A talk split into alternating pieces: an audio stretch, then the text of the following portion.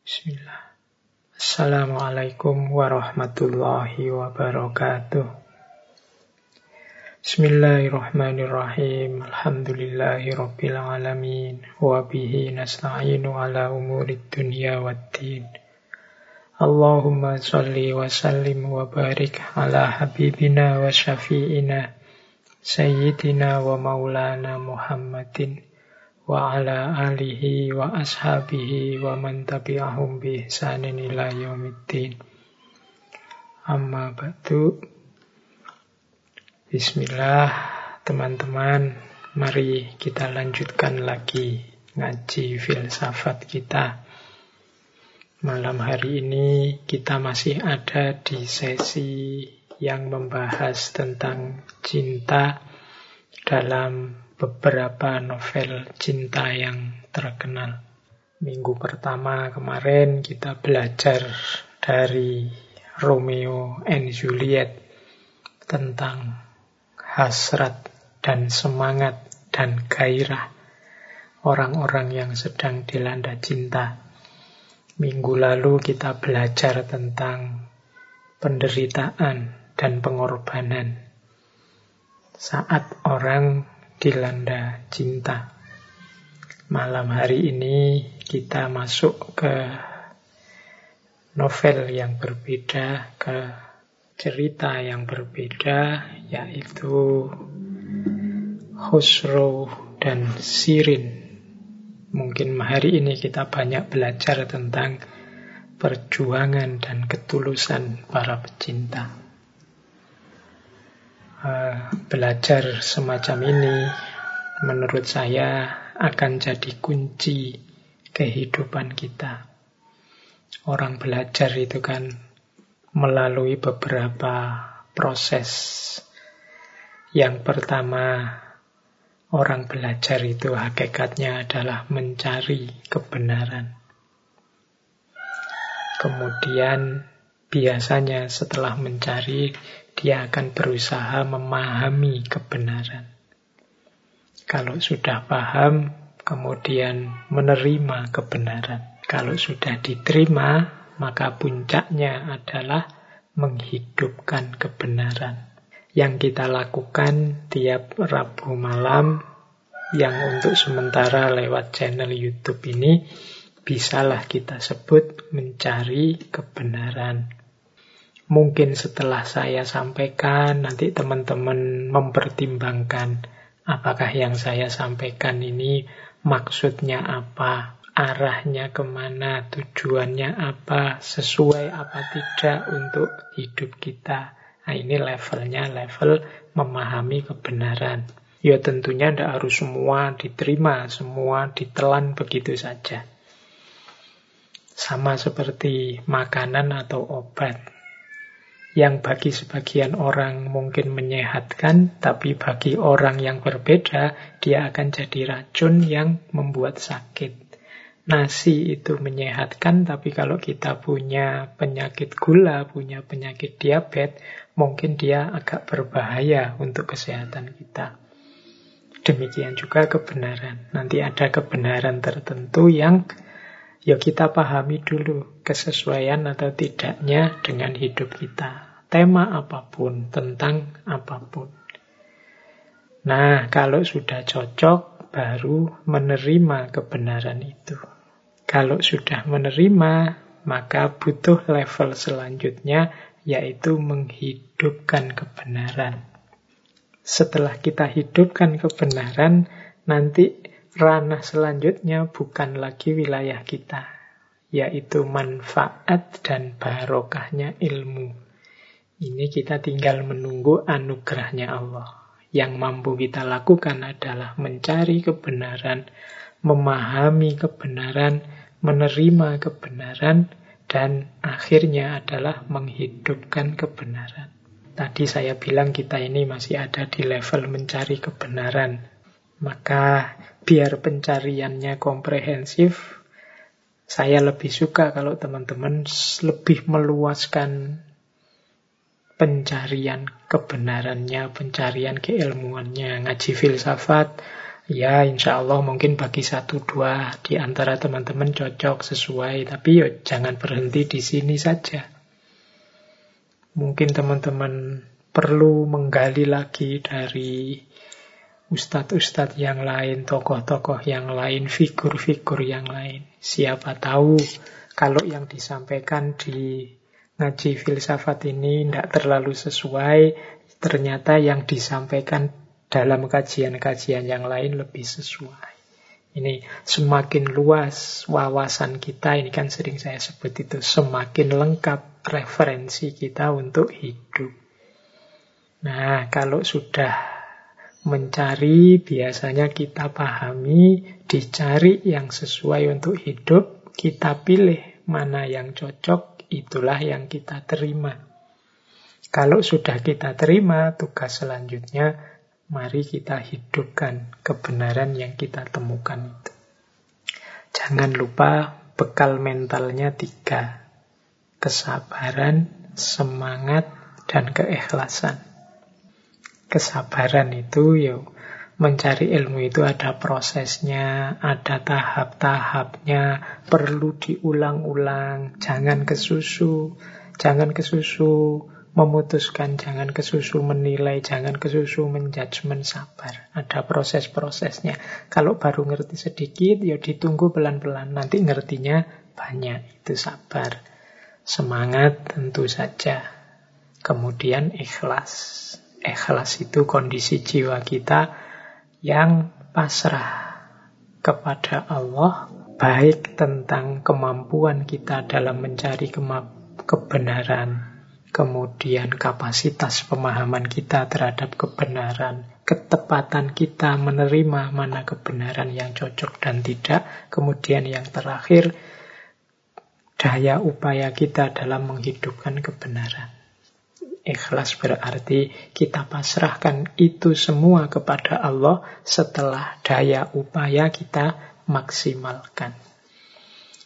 Sejauh mana nanti maslahat dan barokahnya ilmu diberikan oleh Allah pada kita, kita pasrahkan itu kepada Allah. Insya Allah kemungkinan besar manfaat dan barokah itu jauh lebih besar daripada yang kita bayangkan. Sebagaimana janji Allah sendiri tentang kemuliaan ilmu dan orang yang berilmu.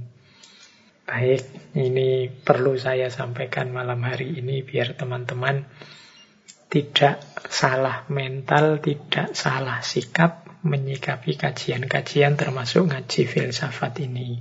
Jadi sebagus apa pun kajian, secanggih apa pun tema, itu nanti kunci manfaat dan barokahnya ada pada diri kita. Jadi ada pada kesungguhan kita dalam mencari kebenaran, kapasitas kita dalam memahami kebenaran, juga ketepatan kita untuk memilih mana kebenaran yang kita terima, mana kebenaran yang kita pending dulu, mana kebenaran yang kita ambil untuk hidup kita. Dan juga kesungguhan kita untuk menghidupkan kebenaran. Berarti ngaji ini sebenarnya hanya satu level, satu tahapan saja. Jadi dia tidak segalanya. Bahkan tadi seperti saya sebut teman-teman harus mau apalagi yang muda-muda meluaskan, selalu meluaskan selalu wawasannya. Tidak berhenti di satu dua perspektif. Kadang-kadang ada satu pandangan kita merasa cocok sekali. Tapi begitu ilmu kita nambah, kita baru sadar ada yang lebih cocok nambah lagi mungkin ilmunya kita lebih sadar lagi, wah ini lebih cocok lagi. Semoga ilmu kita bertambahnya wawasan-wawasan kita, termasuk meningkatnya kualitas hidup kita karena ilmu-ilmu sesuai dengan hadisnya Nabi, yaitu yaum, yaumuhu khairun min amsihi. Hari-harinya lebih baik hari ini daripada kemarin, dan besok lebih baik lagi daripada hari ini. Baik, itu sekedar pengantar untuk meluruskan kembali sikap dan mental kita dalam belajar. Oke, kita masuk langsung ke materi malam hari ini kita akan belajar tentang cinta dari naskahnya Hakim Nizami atau kadang juga disebut nama lengkap beliau Nizami Ganjavi.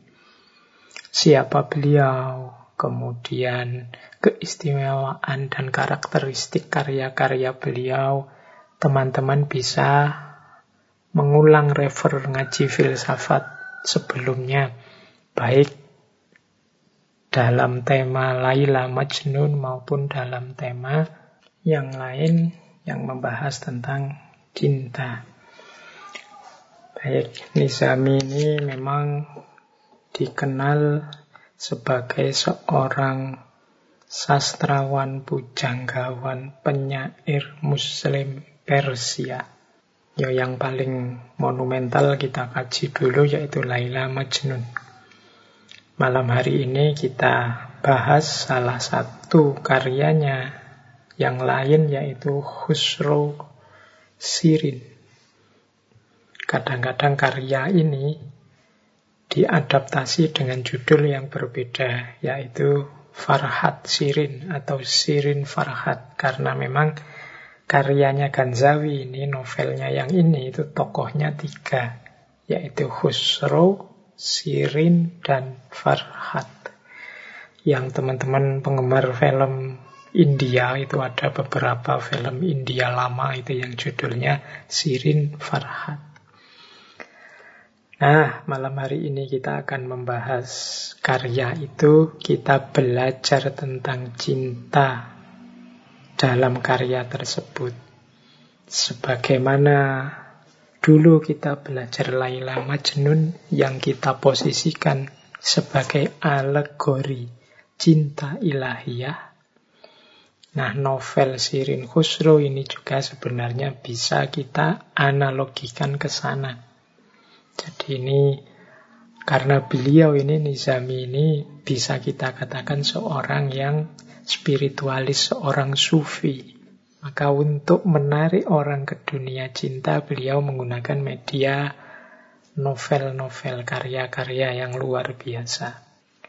Sebenarnya kisah tentang Khusro ini sebelumnya juga sudah populer di tengah masyarakat saat itu. Bahkan kalau teman-teman membaca tulisannya Ferdowsi yang judulnya Sahnameh itu di situ juga sudah diceritakan tentang Khusro, tapi ceritanya fokus pada kepahlawanan, perjuangan politik seorang Khusro. Nah, Hakim Nizami ini mengadaptasi cerita tersebut, tapi kemudian dia menggeser fokusnya.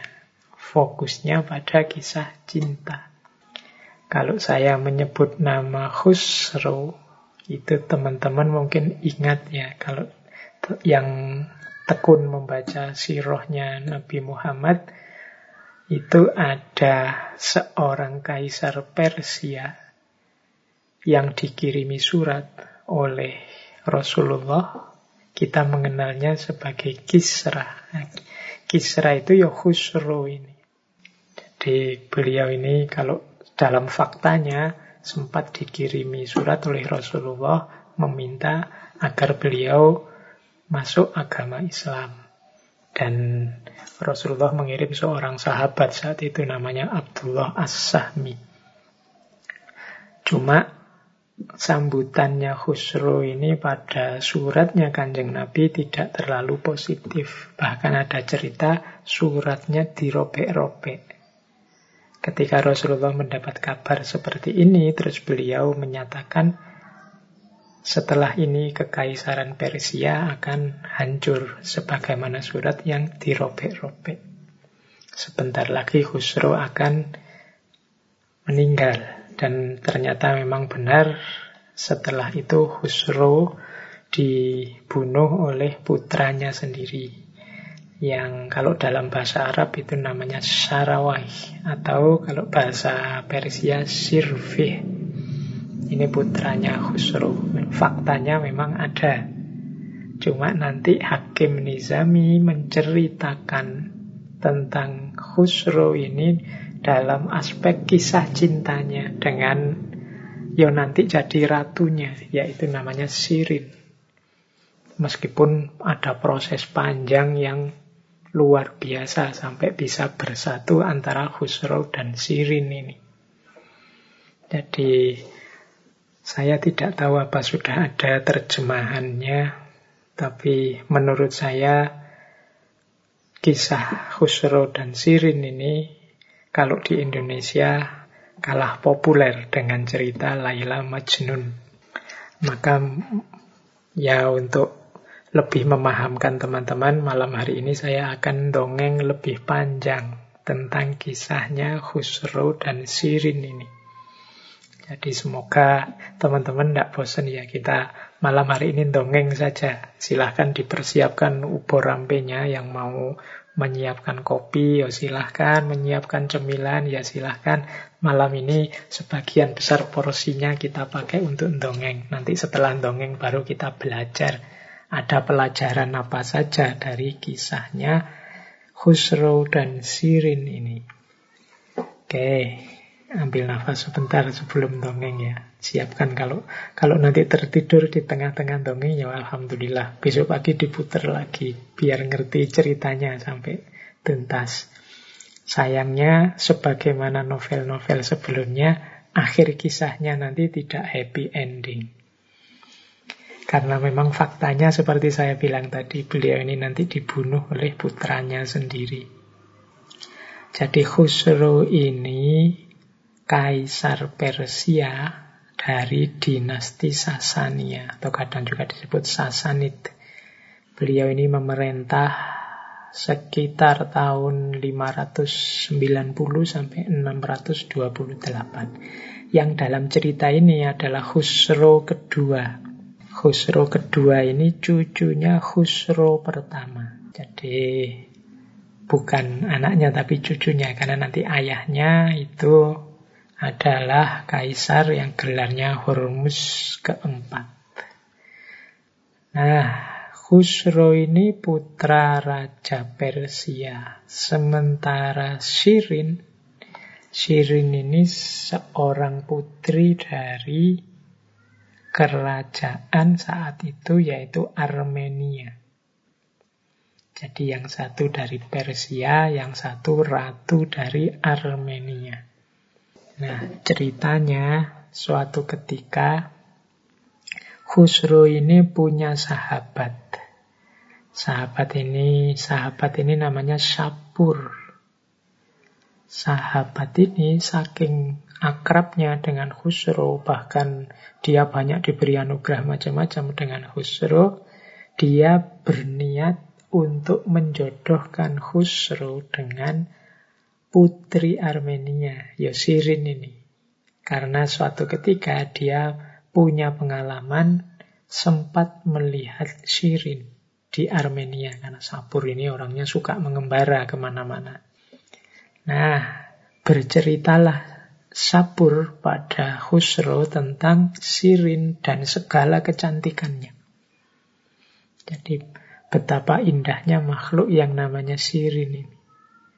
Begitu Sabur bercerita pada Khusro tentang cantiknya Sirin, saat itu juga dalam ceritanya Khusro tertarik dan jatuh cinta kepada Sirin. Nah, dia pesan pada Sapur bagaimana caranya agar Sirin mengerti tentang keberadaannya. Jadi keberadaan Khusro ini. Karena Khusro sudah jatuh cinta pada Sirin. Akhirnya Sapur menyanggupi dia berangkat ke Armenia. Sapur mengambil strategi. Sapur ini pintar melukis. Dia melukis sosoknya Pangeran Khusro dengan lukisan yang sangat indah. Kemudian dia letakkan lukisannya Khusro ini di bawah pohon di tempat Sirin biasa jalan-jalan dan istirahat di situ. Jadi gambarnya ditaruh di situ. Nah, karena gambarnya ditaruh di situ, suatu ketika ketika Sirin jalan-jalan ke situ dan duduk-duduk di situ, dilihatlah gambar itu, begitu dibuka gambarnya, Dia begitu takjub melihat seorang pangeran yang gantengnya luar biasa, yang cakep gagah. Jatuh cinta juga Sirin setelah melihat gambarnya. Ini nanti menarik. Jadi dua orang yang jatuh cinta, yang satu hanya karena diberi cerita, yang satu hanya karena melihat lukisannya. Cinta jarak jauh ini berkembang beberapa lama sampai dua-duanya tidak tahan. Karena dua-duanya tidak tahan, dua-duanya kemudian sama-sama lari dari istana. Khusro lari dari istana menuju Armenia. Sirin lari dari Armenia menuju Persia. Ini jatuh cinta LDR. Ya LDR memang berat. Jadi sekelasnya Sirin dan Khusro tidak kuat. Cinta jarak jauh. Padahal ini belum pernah ketemu sama sekali. Nah, karena sama-sama lari, akhirnya malah tidak ketemu. Ya yang satu sampai di Armenia tidak ketemu Khusro, yang satu eh sampai di Armenia tidak ketemu Sirin, yang satu sampai Persia tidak ketemu Khusro. Tapi nanti ada cerita, jadi dua orang ini sebenarnya sempat ketemu di jalan, tapi tidak saling mengenali. Itu gambar yang saya bawa, saya taruh di slide itu. Gambar yang pertama itu gambar ketika Sirin melihat fotonya, lukisannya Khusro. Dan gambar yang kedua yang di tengah itu gambar ketika Sirin dan Khusro tidak sengaja ketemu. Ketemunya di pemandian umum. Jadi saat dua-duanya istirahat, transit, kemudian mandi. Dua-duanya waktu ketemu itu saling mengagumi, tapi tidak ngerti kalau itu orang yang selama ini dirindukan. Jadi pertemuan di tengah jalan itu pun ya berakhir begitu saja.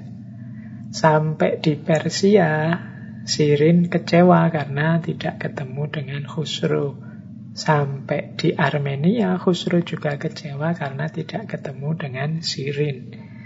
Tapi dua-duanya tetap diterima dengan baik di kerajaan tetangganya. Jadi dua-duanya diterima di istana masing-masing. Sama-sama menunggu, menanti siapa tahu nanti pasangannya balik. Jadi Sirin tinggal beberapa lama di Persia, menunggu siapa tahu Khusro pulang. Khusro menunggu beberapa lama di Armenia, siapa tahu Sirin pulang. Nah, ditunggu lama-lama tidak balik-balik. Akhirnya yang berinisiatif dulu Sirin. Sirin, kalau begitu saya balik lagi lah ke Armenia, menyusul Khusro. Nah, cuma lagi-lagi nasibnya tidak bagus. Ketika Shirin berangkat menuju Armenia, di, Ar di Persia, ayahnya Khusro ini meninggal. Jadi Khusro akhirnya dipanggil untuk segera balik ke Persia karena dia harus dinobatkan jadi raja. Nah, terus ceritanya sisipan jalan lagi. Sirin balik ke Armenia, tidak ketemu Khusro. Khusro datang di Persia, tidak ketemu Sirin, malah sekarang dia harus jadi raja menggantikan ayahnya. Oh, ini beratnya perjuangan cinta, sampai ketemu saja tidak bisa-bisa. Nah, setelah beberapa lama memerintah, Khusro ini masih dimabuk cinta pada Sirin. Dia rindunya tidak selesai-selesai pada Sirin. Sirin juga begitu memendam rindu pada Khusro. Kebetulan nanti di Persia ada seorang panglima yang memberontak. Panglima ini namanya Bahram. Panglima ini jengkel pada Khusro jadi raja kok tidak serius. Raja kok pekerjaannya melamun memikirkan kekasih pujaan. Ah, Ya di samping Bahram ini seorang yang tamak pada kekuasaan. Akhirnya Bahram memberontak, kekaisaran Persia jatuh, Khusro melarikan diri. Bisa ditebak ya larinya ke mana? Larinya pasti ke Armenia. Bertemulah mereka untuk yang pertama kali. Itu ceritanya Husro sampai menyamar-nyamar jadi petani, menyamar jadi orang biasa, dan ketemu di hutan dengan Sirin. Pertemuannya sangat mengharukan, berdua bersama menumpahkan kerinduan, tapi kemudian Sirin memerintahkan Husro untuk tidak berdiam diri saja, seneng-seneng cinta-cintaan saja. Katanya Sirin, engkau harus kembali ke Persia, ambil kembali hakmu, tunaikan kewajibanmu. Ketemu sebentar, harus berpisah lagi. Nah, Khusro, ya karena yang memerintahkan orang yang sangat dia cintai, Bismillah balik lagi mengatur strategi untuk menaklukkan Bahram. Tapi dia tahu kekuatannya tidak imbang. Kalau harus saat itu juga melawan Bahram. Dia butuh sekutu, dia butuh dukungan. Akhirnya Khusro minta bantuan Kaisar Romawi saat itu. Setelah dibantu Kaisar Romawi, dia sukses merebut tahtanya kembali. Tapi Kaisar Romawi yang senang dengan Khusro minta kompensasi. Kompensasinya apa? Khusro harus menikah dengan putrinya Kaisar Romawi yang namanya Maryam. Nah, ini bisa diraba ya nanti kepahitan-kepahitan cintanya mereka ini. Jadi akhirnya dengan sangat terpaksa Khusro menikah dengan Maria. Sementara di Armenia, Sirin juga mengalami kemalangan-kemalangan. Bibinya meninggal. Akhirnya Sirin yang harus menggantikannya jadi Ratu Armenia. Namun Sirin ini karena sudah sangat jatuh cinta, sangat rindu dengan Khusro, dia meskipun jadi ratu, urusan kerajaan dipasrahkan pada seorang sepupunya. Dia sendiri pindah ke Persia. Tinggal di daerah namanya Madain agar bisa setiap hari mendengarkan kabar tentang Khusro. Ya termasuk betapa kecewanya dia, betapa sakitnya dia, ternyata Khusro sudah menikah dengan Maryam. Dan meskipun sudah pindah ke Persia, Sirin mengirim pesan pada Khusro, lebih baik engkau setia dengan istrimu, tidak usah memikirkan aku. Tapi dia tetap tinggal di Persia, karena memang cintanya pada Khusro tidak hilang. Oke, nah jadi Khusro juga kebingungan luar biasa antara cintanya pada Sirin dan tanggung jawab serta kewajibannya pada kerajaan dan istrinya. Oke, sampai di titik ini nanti ada cabang cerita cinta yang baru yang justru banyak disenangi orang. Yaitu munculnya tokoh namanya Farhat. Nah, jadi suatu ketika Sirin ini yang tinggal di Persia sakit. Jadi sakit karena mungkin tiap hari galau, tiap hari gelisah. Oleh tabib, Sirin ini disuruh minum banyak susu domba setiap hari. Nah, para pengawalnya Sirin ini bingung. Gimana caranya ya? Tiap hari minum banyak susu domba karena domba-domba itu hidupnya banyak di pegunungan. Kalau dibawa dari pegunungan ke kota butuh waktu lama dan itu pun tidak banyak kemampuan membawanya. Akhirnya ada usul. Gimana caranya dibikin jaringan dari gunung sampai ke kota. Jaringan susu, uh, saluran, semacam saluran irigasi tapi nanti untuk mengalirkan susu. Akhirnya diundanglah seorang arsitek yang masih muda, gagah, tampan, namanya Farhat. Farhat ini begitu diundang ke rumahnya Sirin yang di Persia, begitu dia melihat Sirin, saat itu juga dia jatuh cinta kepada Sirin. Dan dia berjanji akan melakukan yang terbaik untuk Sirin. Karena sudah pokoknya jatuh cinta pada pandangan pertama, saat itu juga dia langsung takluk di hadapan Sirin. Karena rasa cintanya inilah yang menggebu-gebu, maka dia sukses nanti membangun jaringan air susu domba dari daerah pegunungan sampai depan pintu rumahnya Sirin. Nanti ceritanya setelah sukses membangun ini oleh Sirin diberi hadiah anting-anting. Anting-anting inilah nanti yang dibawa ke mana-mana. Setiap hari pekerjaannya Farhat ini merenung di atas gunung atau jalan-jalan di sekitar rumahnya Sirin. Di situ nanti banyak puisi-puisi yang dia ucapkan. Ini ceritanya Farhat ini seperti ceritanya Majnun waktu gila. Waktu tergila-gila pada Laila. Nah, Farhat ini juga begitu. Jadi kehidupannya di pegunungan-pegunungan di sekitar rumah Sirin. Itulah mengapa nanti banyak yang lebih suka ketika mengadaptasi cerita Khusro Sirin ini justru yang disukai ceritanya Farhat dan Sirin. Karena di situ ada tragedi yang lebih mengenaskan. Nah, setelah diberi anting-anting, kemudian setiap hari dia mengitari rumahnya Shirin. Sampai berita ini nyampe pada Khusro.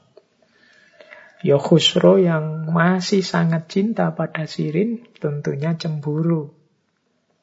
Jadi dia tidak suka ada orang yang juga mencintai Sirin sedalam itu. Akhirnya nanti ada dialog-dialog panjang antara Khusro dan Farhat yang di situ ada pelajaran tentang cinta. Dialog itu nanti kita bahas malam ini antara lain. Jadi dan setelah berbagai dialog, Khusro yakin ternyata cintanya Farhat pada Sirin tidak lebih kecil daripada cintanya pada Sirin. Khusro ya karena dia raja, dia ingin menyingkirkan Farhat, saingan cintanya. Tapi dia kan tidak bisa tiba-tiba saja membunuh Farhat atau menyingkirkan Farhat, mengasingkan Farhat. Nanti dia jadinya raja yang tidak adil. Padahal Khusro ini dikenal sebagai raja yang bijaksana. Akhirnya Khusro membuat trik setelah berunding dengan para penasehatnya. Dia memberi tugas pada Farhat. Katanya Khusro, oke lah, aku tidak akan menghalangi cintamu, tapi tolong bangunlah terowongan yang bisa menembus gunung Bistun. Jadi di sana ada satu gunung namanya Bistun, dan Farhat diberi tugas untuk mecah gunung, menghancurkan gunung biar ada jalan tembus di gunung. Katanya Khusro, kalau nanti selesai kamu membangun, aku akan mengawinkanmu dengan Sirin. Wah, ini Khusro ini gembira karena memang mimpinya sejak lama kan Sirin. Kalau raja yang merestui, siapa yang bisa menghalangi?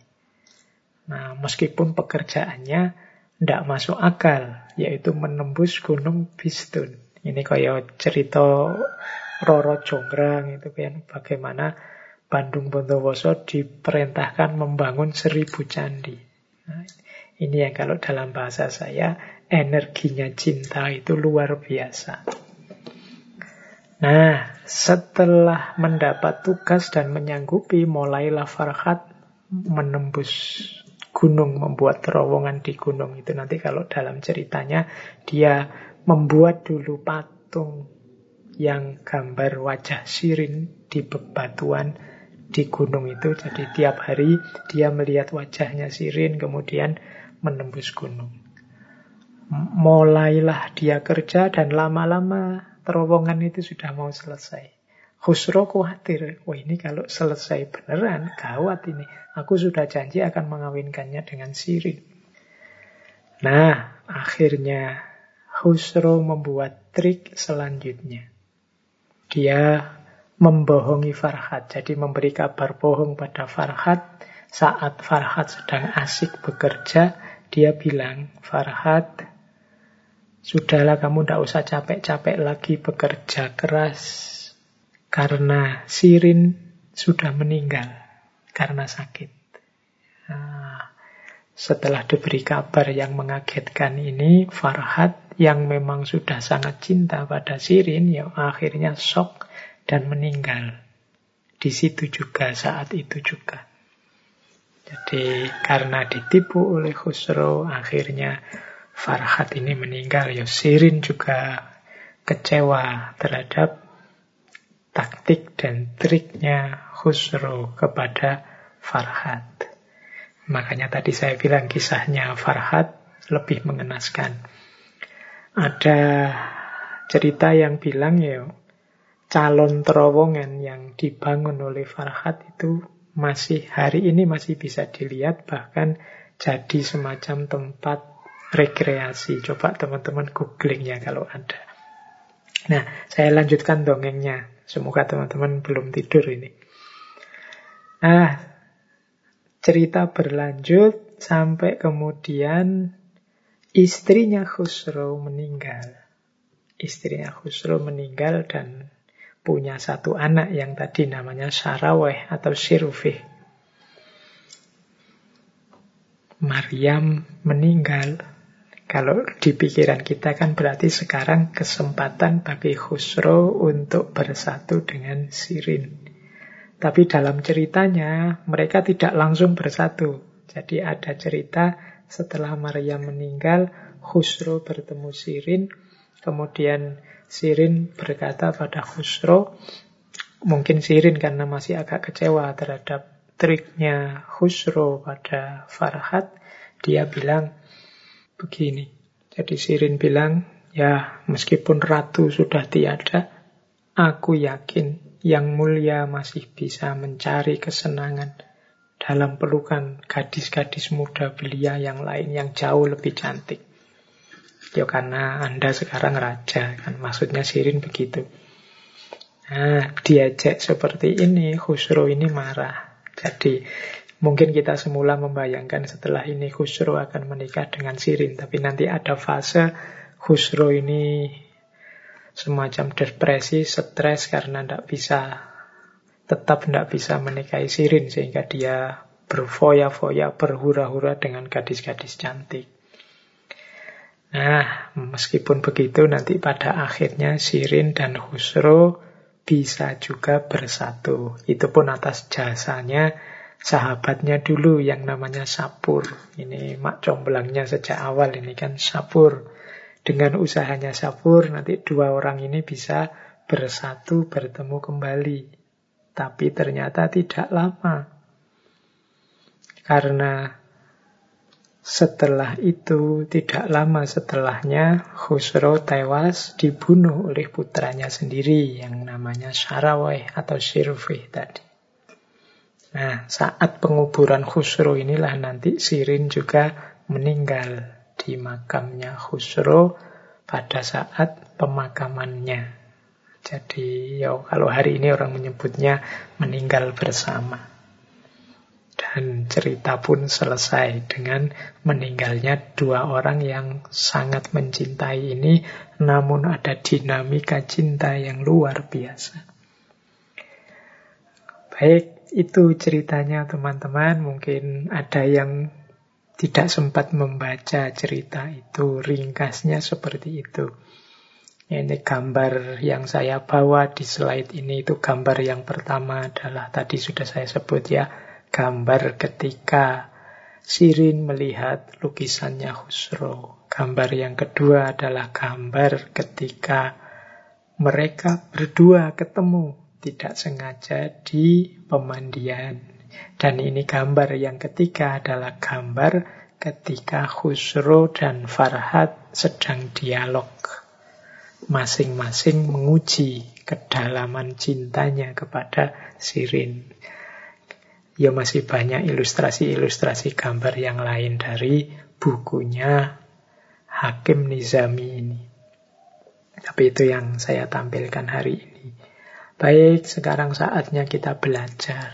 ada pelajaran apa yang bisa kita ambil dari kisahnya Khusro, Sirin, dan Farhat ini.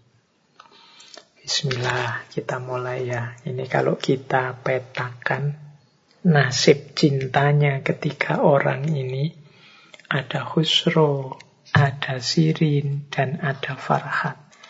Ini dalam kesimpulan saya, kalau cintanya Khusro itu cinta yang harus dipenuhi, mengiring kewajiban, harus diperjuangkan, meskipun akhirnya adalah keruntuhan, kejatuhan. Jadi, sangat sebentar bahagia, tapi setelah itu runtuh. Sampai kerajaannya pun hancur.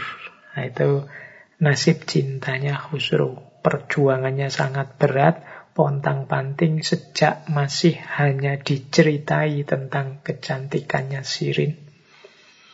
Tapi karena dia seorang pangeran, cintanya tabrakan dengan kewajiban yang harus dia jalankan. Maka cintanya Khusro adalah cinta yang penuh perjuangan. Bahkan sampai dia bikin trik melakukan kecurangan-kecurangan khususnya terhadap Farhat demi tidak kehilangan Sirin. Tapi toh begitu akhir kisahnya dia tetap kejatuhan. Nah ini mungkin di antara teman-teman ada yang nasib cintanya seperti Khusro ini. Sudah jatuh cinta, tapi tidak bisa sepenuhnya mengekspresikan cintanya karena ada kewajiban-kewajiban yang harus dijalani. Bahkan untuk merebut, mencari kesuksesan cintanya, melakukan banyak perjuangan yang sangat berat. Itu pun kadang-kadang bikin trik-trik, sedikit bohong, sedikit tidak jujur dan lain sebagainya demi tidak kehilangan yang dicintai. Toh begitu akhirnya tetap adalah kejatuhan, ketidaksuksesan. Kalau teman-teman mengalami yang semacam ini, mungkin tipe cinta yang teman-teman alami tipenya khusro. Nah, oke, ya dipahami dulu. Nanti kita cari cara menyikapinya yang benar. Tapi diterima dulu, oh memang nasib cintaku seperti itu. Ada juga yang tipe cintanya adalah tipenya sirin. Tipenya sirin itu apa? Tipenya sirin itu ya cinta yang ditaburi dengan kesetiaan. Tadi teman-teman ingat ya bagaimana setianya seorang sirin. Dia menunggu, dia bahkan sampai yang dia cintai menikah, tetap dia tunggu. Sampai yang dia cintai harusnya sudah dengan gagah mengambil dirinya ketika istrinya meninggal, tapi khusrunya malah tidak segera mengambil dirinya. Dia toh tetap setia menunggu sampai khusru sadar. Itu bagi saya ada kesetiaan. Jadi jatuh cinta pada seseorang sudah memancang kesetiaan setulus mungkin. Tapi tetap hasilnya adalah kekecewaan-kekecewaan. Dia tidak berhasil misalnya di awal-awal untuk bertemu dengan Khusro. Dia juga kecewa ketika ditakdirkan bertemu tapi Khusro harus menjalankan kewajibannya. Ketika Khusro sukses dengan kewajibannya, Khusro malah menikah dengan orang lain. Ketika istrinya Khusro meninggal, Khusro malah tidak peduli dengan dia yang sudah menunggu begitu lama. Jadi isinya kekecewaan-kekecewaan dan pastinya kesedihan-kesedihan. Ujungnya tetap kesedihan. Dia pun sempat bersatu sebentar dengan Khusro, tapi mengalami kenyataan pahit Khusro yang dibunuh oleh putranya sendiri. Jadi Cintanya Sirin itu cinta yang penuh dengan kekecewaan, kesedihan, meskipun dia pertahankan lewat jalur kesetiaan. Mungkin ada di antara teman-teman malam hari ini yang pengalaman cintanya adalah pengalaman Sirin. Sudah setia tapi dikecewakan terus. Kisah cintanya itu isinya kesedihan. Nah, ini kalau diilustrasikan mungkin yang rajin nonton sinetron azab itu di TV, itu kan biasanya istrinya itu banyak yang tipenya tipe sirin. Setia tapi dikecewakan terus. Hidupnya berisi penuh kesedihan-kesedihan. Oke, ya kita menertawakan nasib yang seperti ini sebagaimana kita menertawakan sinetron azab yang di TV-TV. Tapi semoga tetap kita tidak kehilangan empati. Kalau ada teman kita, tetangga kita, saudara kita yang mengalami situasi semacam ini. Kalau kita ngalami sendiri, belum tentu juga kita kuat. Nah, jadi ini tipe sirin, tipe pecinta yang kedua. Ada tipe yang ketiga, tipenya Farhat. Tipe Farhat ini cinta, tidak kalah serius, tidak kalah dalam dibandingkan cintanya Sirin atau Husro.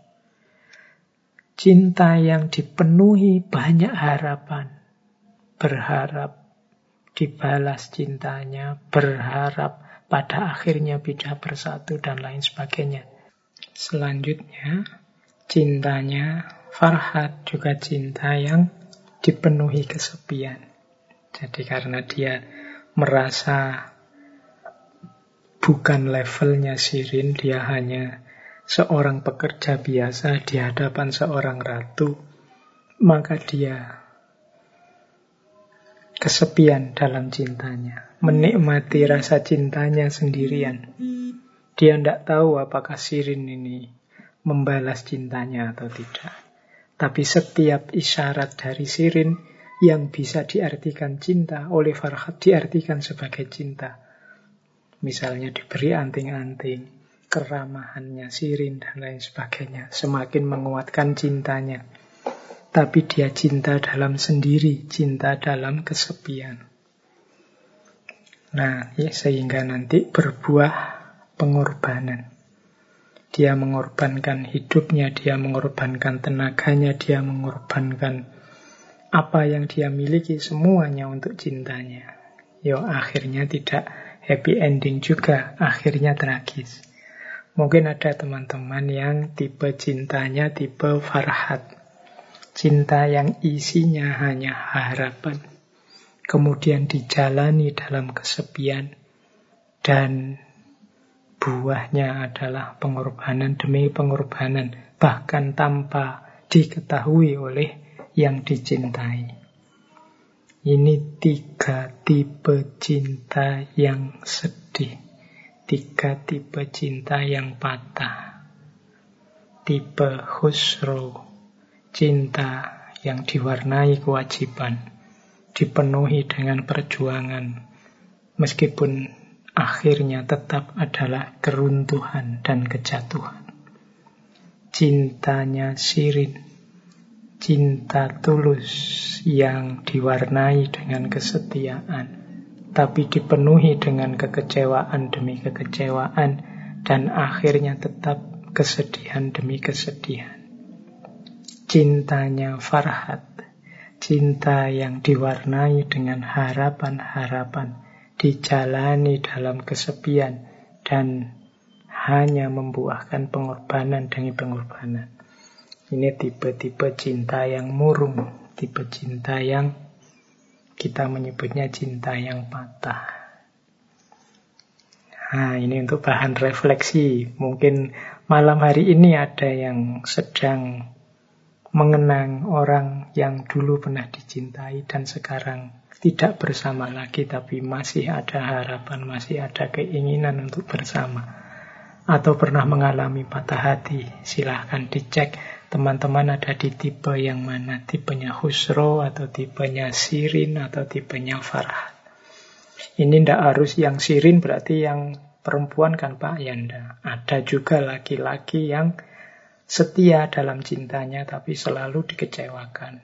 Dan cintanya diwarnai kesedihan. Mungkin ada juga perempuan yang tipenya khusro dia cinta tapi terhalang oleh kewajiban-kewajiban hidup. Cinta yang berat karena harus diperjuangkan. Meskipun akhirnya tetap kejatuhan demi kejatuhan. Ini pelajaran menurut saya tipe tiga cinta yang digambarkan oleh Hakim Nizami atau Nizami Ganjavi. Baik, sekarang kita belajar lebih dalam lagi. Tadi saya memberi isyarat karena beliau ini bisa dikatakan seorang sufi. Tafsir cinta terhadap kisah-kisah yang ditulis oleh Nizami bisa kita arahkan kepada cinta yang ilahiyah. Nah kita lihat sekarang ya, ada pelajaran apa saja yang lebih dalam. Kalau tadi kan pelajaran dari apa yang tertulis. Ada tipe cinta khusro, ada tipe cinta sirin, ada tipe cinta farhan. Sekarang kita belajar dari makna yang tidak tertulis. Khususnya mungkin kalau mungkin kita sambungkan nanti dengan cinta ilahiyah. Baik, kita mulai beberapa pelajaran cinta. Yang pertama, ini kelihatan sekali dalam kisah-kisah awal Khusro dan Sirin. Pelajaran pertama apa? Cinta yang tanpa pertemuan fisik. Ini teman-teman mungkin bisa langsung cepat menyimpulkannya sebagaimana ketika kita mencintai Allah sebagaimana keimanan kita pada malaikat, pada akhirat. Itu kan sesuatu yang tidak terlihat. Tapi ternyata mencintai sesuatu, meskipun itu tidak terlihat secara fisik, tidak bertemu secara fisik, bisa jauh lebih dahsyat dibandingkan ketika ada pertemuan fisik. Bagian awal Khusro Sirin menunjukkan ketika mereka belum benar-benar bertemu, itu betapa menggebu-gebunya mereka ingin segera bertemu. Meskipun belum pernah bertemu fisik. Ini kalau kita tarik ke ranah cinta ilahiyah, cinta kita kepada Allah. Kalau kita memang cinta sejati kepada Allah, itu tidak harus menunggu melihat Allah langsung secara fisik sebagaimana beberapa kisah Al-Quran ada beberapa umat yang mbok aku ditemukan Allah secara fisik tidak harus menunggu itu cinta tetap bisa kita tumbuhkan dengan luar biasa tidak harus melihat langsung Allah tidak harus ada pertemuan fisik bukan berarti ketika tidak bertemu fisik itu cinta tidak bisa tumbuh jadi, ya, jadi Nizami mengajarkan kita bahwa cinta itu tetap bisa subur dan tumbuh luar biasa meskipun tanpa pertemuan fisik. Justru di situ ada kerinduan-kerinduan yang dalam. Bahkan ini kalau kita analogikan ya dengan pengalaman teman-teman, saya tidak tahu teman-teman gemar drama apa, sinetron apa, atau cerita apa, atau siapa idolamu yang selama ini mungkin hanya mengikuti dari jauh. Tidak ada pertemuan fisik. Atau ngaji filsafat ini saja lah. Mungkin kan banyak yang tanya, bahwa Pak Faiz tampil secara fisik apa adanya. Syukur-syukur bisa ketemu langsung Pak. Kan gitu. Kalian ingin ketemu saya langsung secara fisik misalnya. Loh, itu saya tidak jamin loh kalian kalau sudah ketemu saya langsung mungkin bahkan face to face, itu rasa sukamu, rasa yang tadi menggebu ini ketemu masih tetap tersisa seperti sebelumnya. Bahkan mungkin kalau ketemu saya, wala ternyata orangnya cuma kayak gitu aja toh. Wala, mungkin bisa begitu. Ketika belum ketemu, bayanganmu mungkin macam-macam. Mungkin menganggap saya ini orang kayak orang alien yang luar biasa yang lain Padahal itu mungkin hanya acting saja. Tapi begitu kalian ketemu saya, ngerti asli nih. Walah, Kan bisa begitu. Justru ketika fisik tidak bertemu, ekspektasimu, harapanmu, bahkan mungkin kesukaanmu meluap-luap. Yang suka drama Korea misalnya, kalian mengidolakan sopolah drakor siapa atau sinetron siapa atau artis siapa. Itu kan kalian tidak bertemu fisik, melihat dari jauh saja. Tapi saya tidak jamin kalau kalian ketemu langsung, bahkan mungkin hidup beneran dengan orang itu, kalian tetap bisa mencintainya. Itu ini analogi ya. Tapi pelajaran dari Hakim Nizami adalah bahwa cinta tanpa pertemuan fisik itu sesuatu yang sangat mungkin. Jadi kalau ada yang beralasan, Pak bagaimana saya bisa mencintai Allah, wong saya tidak bisa melihat Allah, tidak bisa merasakan kehadirannya misalnya, tidak. Tidak harus ada itu. Jadi Khusro itu jatuh cinta pada Sirin hanya karena diceritai oleh Sapur. Saya ketemu seorang putri yang cantik, kulitnya putih, rambutnya panjang. Diceritain seperti ini dia sudah jatuh cinta. Semoga kita juga bisa memupuk rasa cinta kepada Allah itu hanya dengan membaca Al-Quran yang di situ ada kisah, ada cerita tentang bagaimana Allah itu yang maha penyayang, maha pengampun, maha bijaksana. Itu kan mirip seperti ketika Sapur bercerita kepada Khusro. Sebagaimana Sirin yang hanya melihat gambarnya. Gambar itu kan hanya representasi dari wujudnya. Itu ibaratnya kalau kita lihat alam semesta ini, itu kan representasi dari kehadirannya Allah. Indahnya alam ini adalah wakil dari Sang Maha Indah. Jadi itu menurut saya pelajaran penting pertama yang diajarkan oleh Hakim Nizami dalam Khusru Sirin adalah cinta tanpa pertemuan fisik bukan sesuatu yang mustahil. Bahkan bisa jadi lebih meluap-luap, lebih bergairah, lebih menantang daripada cinta yang hanya mengandalkan pertemuan fisik. Oke, tanyakan ini pada teman-teman yang tidak bisa bertemu langsung dalam cintanya. Ketika LDR itu kan kangen dan rindunya jauh lebih dalam daripada yang ketemu setiap hari. Yo, kalau ini silahkan ditanya yang alami. Oke, itu pelajaran cinta yang pertama. Pelajaran cinta yang kedua adalah pelajaran tentang komitmen. Jadi cinta itu butuh komitmen. Tidak bisa kita sesuka-suka kita sendiri.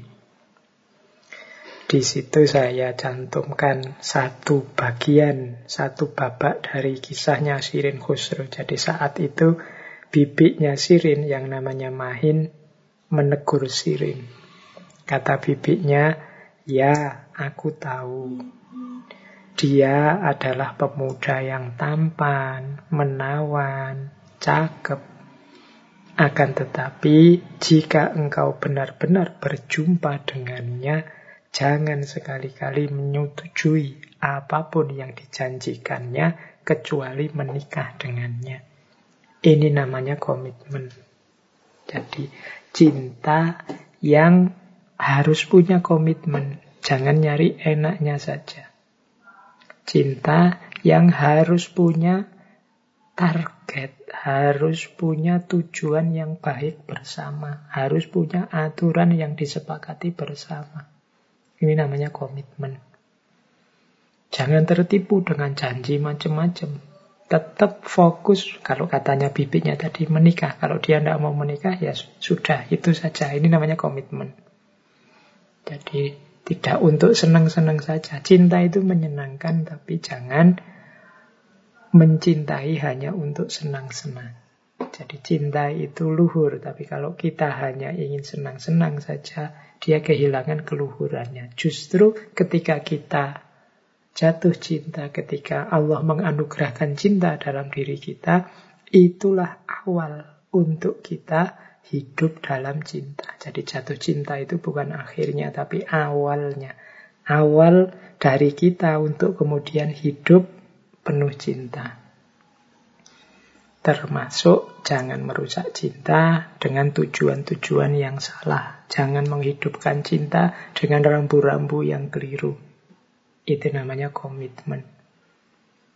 Jadi ini pelajaran juga dari Hakim Nizami.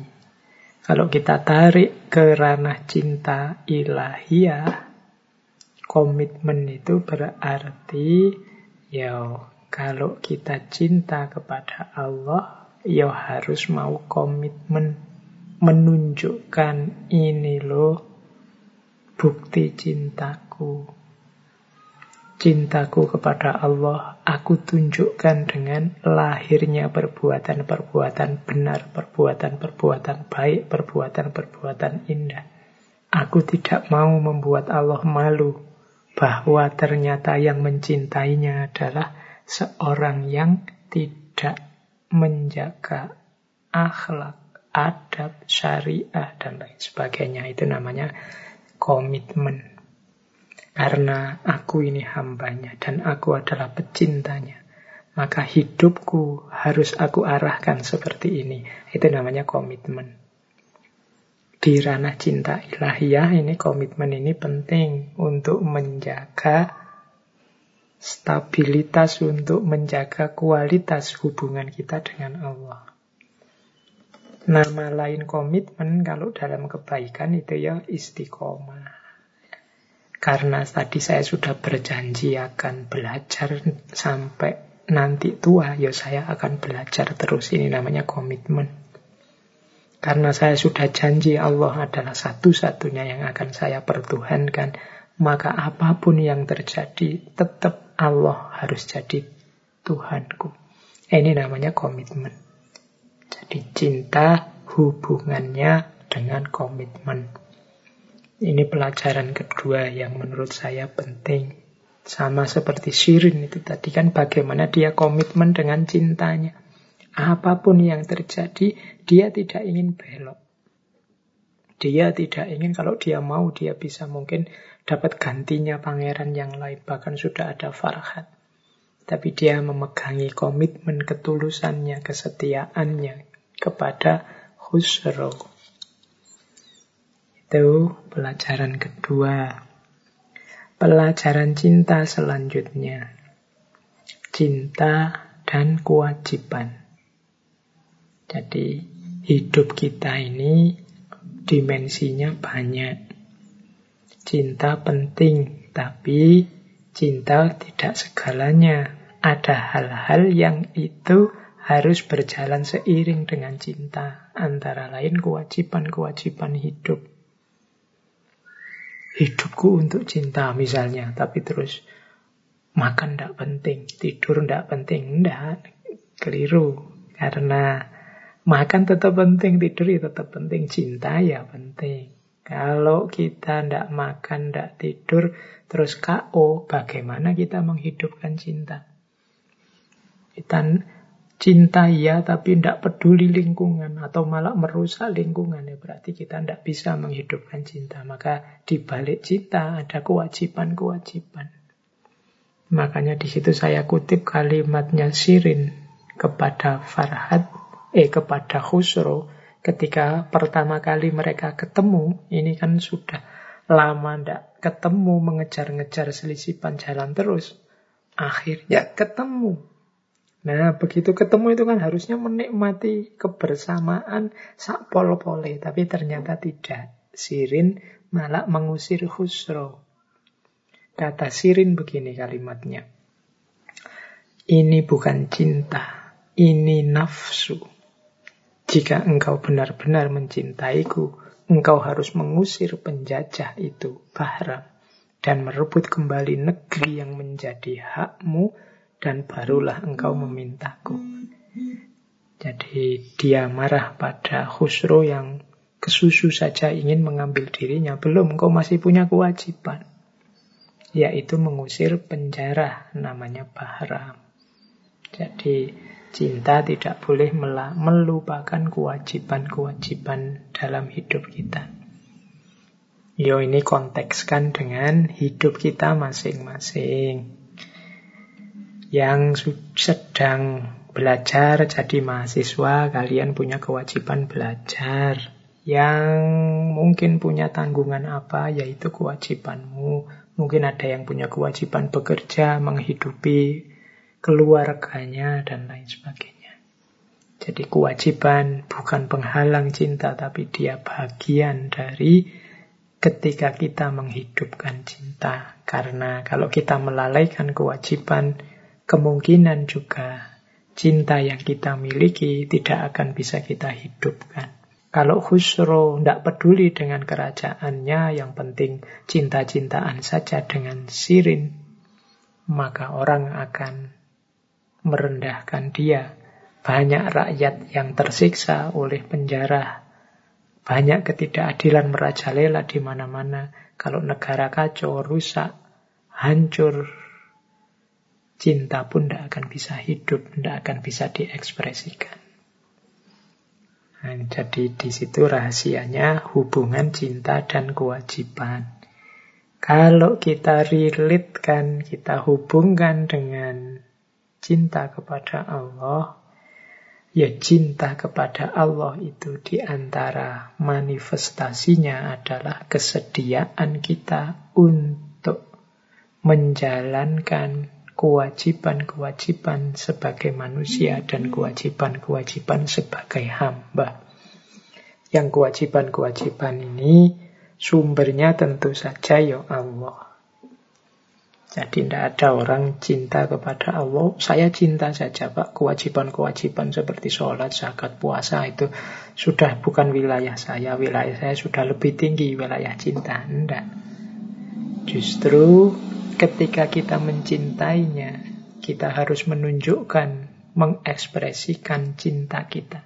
Di antara bukti dan ekspresi cinta kita adalah kesungguhan kita menjalankan kewajiban-kewajiban yang sumbernya darinya. Maka omong kosong kalau seseorang mengklaim saya cinta pada Allah tapi Disuruh sholat saja alasannya banyak, disuruh zakat saja, disuruh puasa saja, macam-macam argumennya. Jangan ngaku sudah cinta. Itu perintah-perintah yang ringan. Banyak ujian-ujian cinta yang lebih berat. Kewajiban yang diberikan Allah itu sangat ringan. Maka kalau ini saja kita tidak mau menjalankan, ya jangan ngaku kita ini pecintanya Allah. Oke. Silahkan nanti direnungi yang saya sampaikan ini.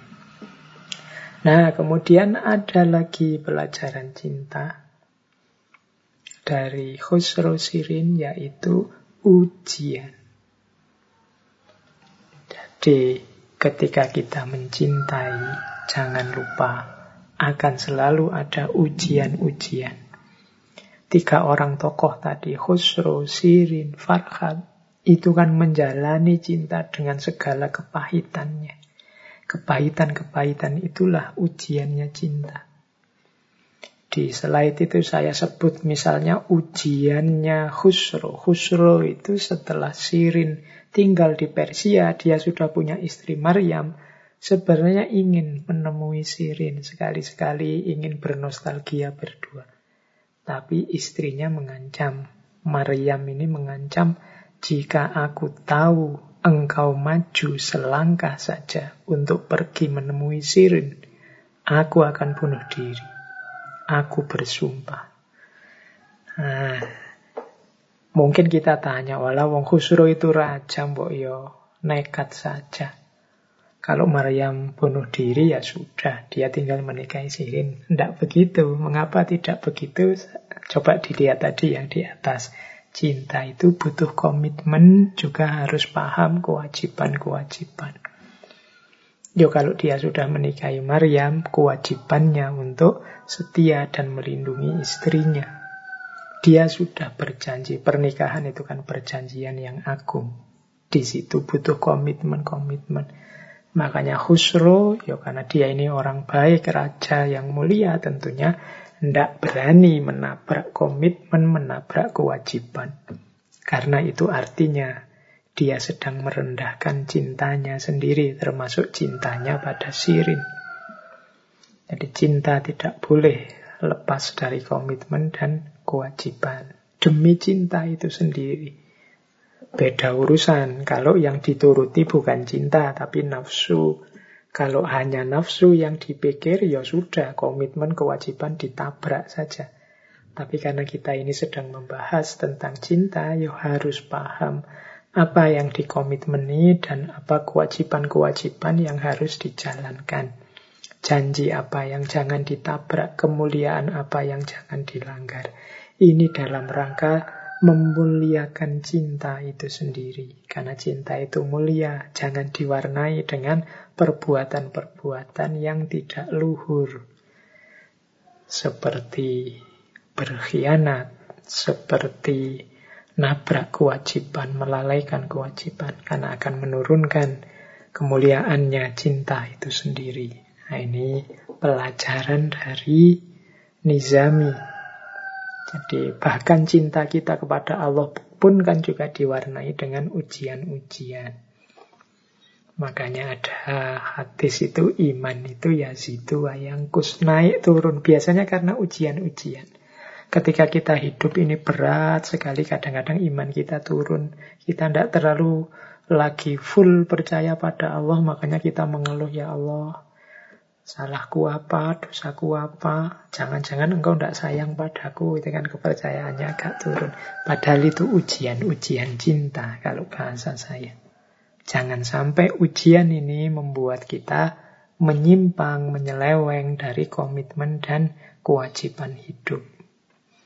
Cinta ya penting, mulia, luhur, maka jangan kotori cinta dengan tindakan-tindakan yang tidak luhur, tidak mulia. Di level apa pun, dalam bentuk apa pun.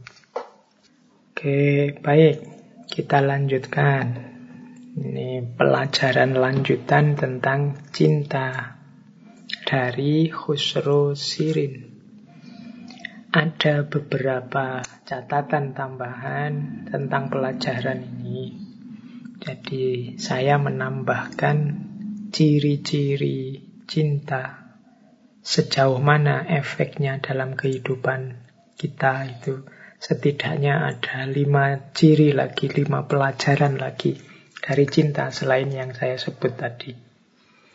Jadi pelajaran selanjutnya cinta itu adalah ini pakai bahasa Inggris ya, gravitational force. Gravitational force itu kekuatan yang menarik. Ya istilahnya gravitasi. Jadi orang yang mencintai itu terdorong untuk mendekat kepada yang dicintai. Mirip seperti magnet atau medan gravitasi. Jadi orang yang mencintai itu suka untuk dekat dengan yang dicintai mengapa hidup kita hari ini banyak sekali konflik-konflik, susah sekali diajak rukun, diajak bersatu, mungkin kita hari ini banyak kehilangan cinta. Sehingga kita kehilangan daya tarik, kehilangan gravitational force. Kita tidak kerasan dekat-dekat dengan yang lain. Yang kita kembangkan mungkin banyak hanya kebencian-kebencian, persaingan-persaingan, permusuhan-permusuhan. Maka daya rekat antar kita hilang. Daya gravitasional force yang paling kuat itu cinta. Coba teman-teman baca lagi tadi ya, kisahnya Khusro dan Sirin. Bagaimana seorang pangeran, pangeran ini kan hidupnya terjamin, bahkan mencari perempuan yang lebih dari yang dia cintai, cantiknya apa pun mungkin bisa. Tapi karena sudah terlanjur jatuh cinta, dari Persia sampai lari ke Armenia. Yang di Armenia juga begitu, tergesa-gesa lari ke Persia sampai sisi panjalan. Karena cinta adalah gravitational force. Bagaimana Farhat yang dari gunung ke rumahnya Sirin balik ke gunung lagi, datang lagi ke rumah Nasirin. Hanya berpusar-pusar di rumahnya Sirin karena dia cinta itu adalah gravitational force. Daya gravitasi yang membuat orang saling dekat, ingin selalu dekat. Makanya tadi saya bilang kita ini Kenapa kok rasanya susah sekali berdampingan dalam segala perbedaan yang kita miliki?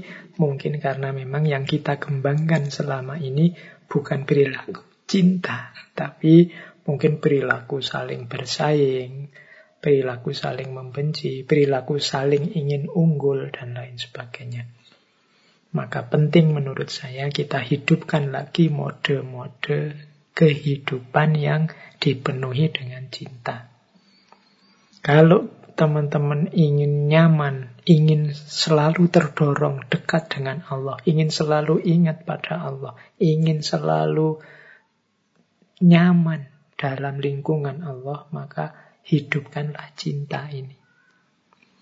Cinta sebagai gravitational force. Ketika kita cinta pada Allah, maka apa pun aktivitas kita, cara kita bicara, cara kita bertindak, cara kita berperilaku, pasti yang mengarah lebih dekat pada Allah. Yang membuat kita tertarik, terdorong mendekat pada Allah. Jadi kalau kita sudah cinta, itu sudah otomatis. Kenapa belum seperti itu? Mungkin memang level hubungan kita dengan Allah masih belum nyampe level, belum nyampe makom cinta, makom mahabbah. Mungkin masih level kewajiban atau level kebutuhan. Masih banyak pamrih-pamrih kita pada Allah selain Allah itu sendiri. Jadi sehingga cinta tidak jadi gravitational force. Bahkan mungkin ada yang tersiksa kalau lama-lama dekat dengan Allah. Zikir lama-lama tidak betah. Sholat lama-lama tidak betah. Bangun malam lama-lama tidak betah. Ya karena mungkin memang levelnya belum cinta. Kalau sudah cinta, bahkan semalaman berdua ingin nambah. Seperti kisahnya Robi'ah al-Adawiyah. Eh, jadi itu pelajaran dari Khusru Sirin menurut saya. Bagaimana cinta selalu menarik orang pada yang dia cintai. Betapa capeknya kalau teman-teman membaca kisahnya Khusro. Dia ingin selalu dekat dengan Sirin, mental lagi menjauh, ingin dekat lagi, mental lagi menjauh, ingin dekat lagi. Itu yang saya sebut gravitational force. Yang kedua, cinta adalah creative tension and extended power creative tension itu, cinta itu punya daya kreatif. Tension itu tegangan. Jadi ketegangan yang memunculkan kreativitas. Itu cinta.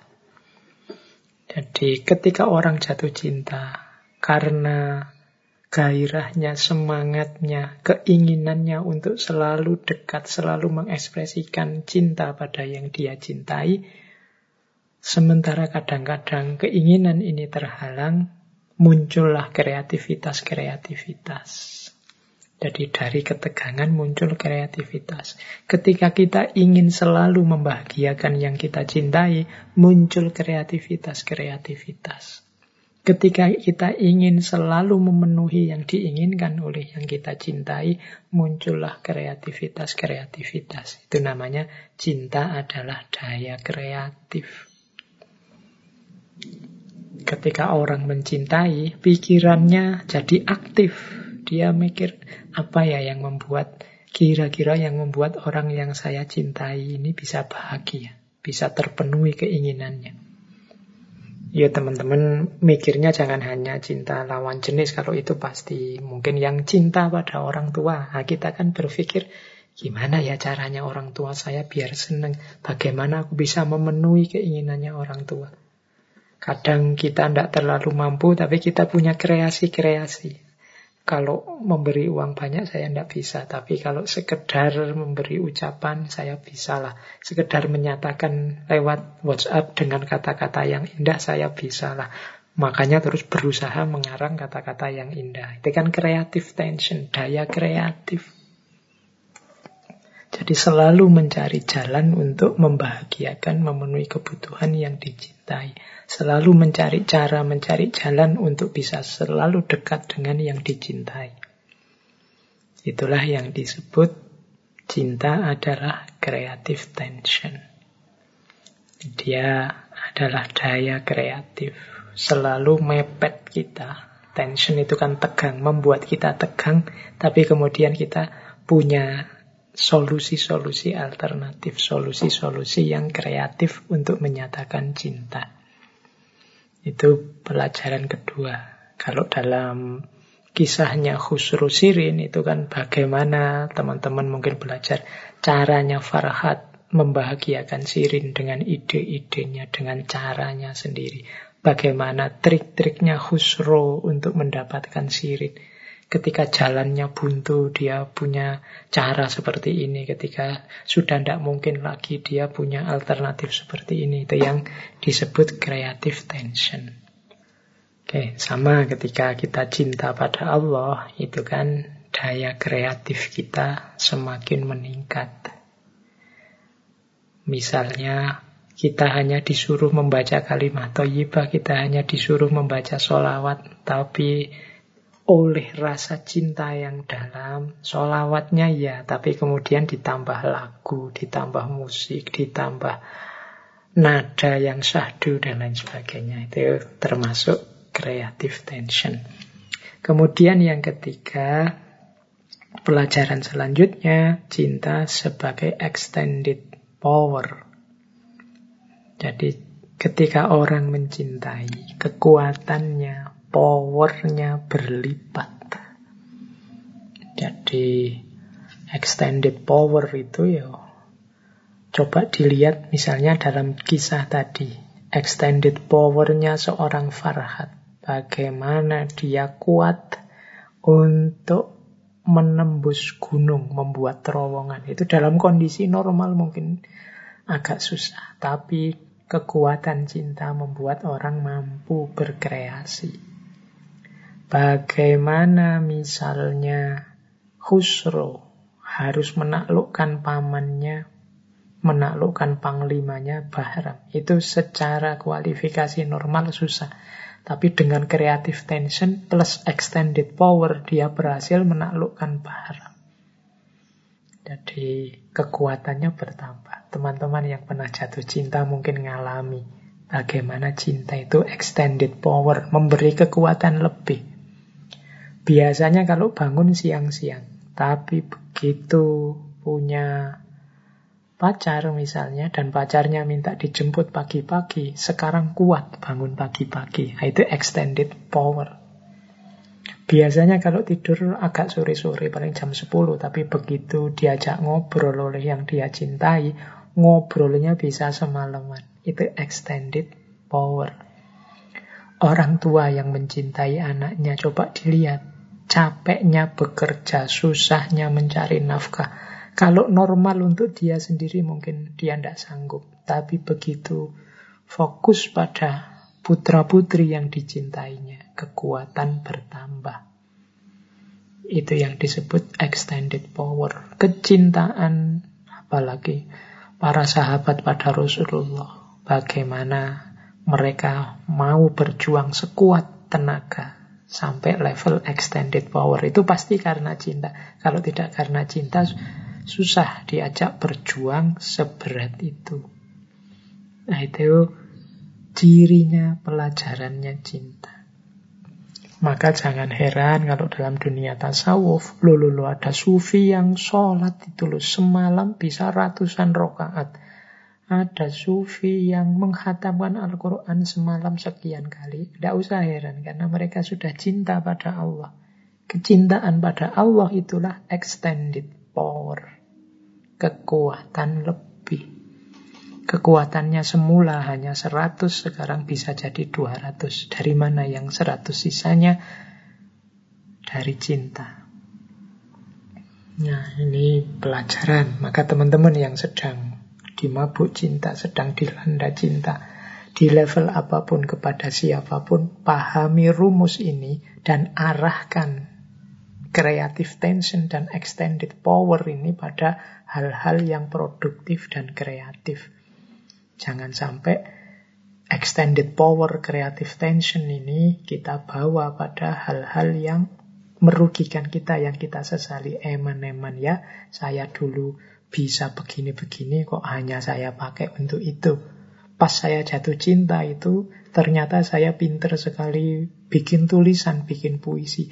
Eman-eman ya dulu hanya tak pakai untuk merayu. Coba saya nulis puisi serius yang banyak bisa jadi buku puisi sekarang. Aku jadi penyair sekarang. Ya, itu maka ayolah yang sedang jatuh cinta, powernya berlebih, kreativitasnya meningkat, arahkan itu untuk yang positif-positif. Farhat jadi buktinya bagaimana dia bisa membangun terowongan yang menembus gunung. Khusro jadi buktinya bagaimana dia bisa menaklukkan bahar.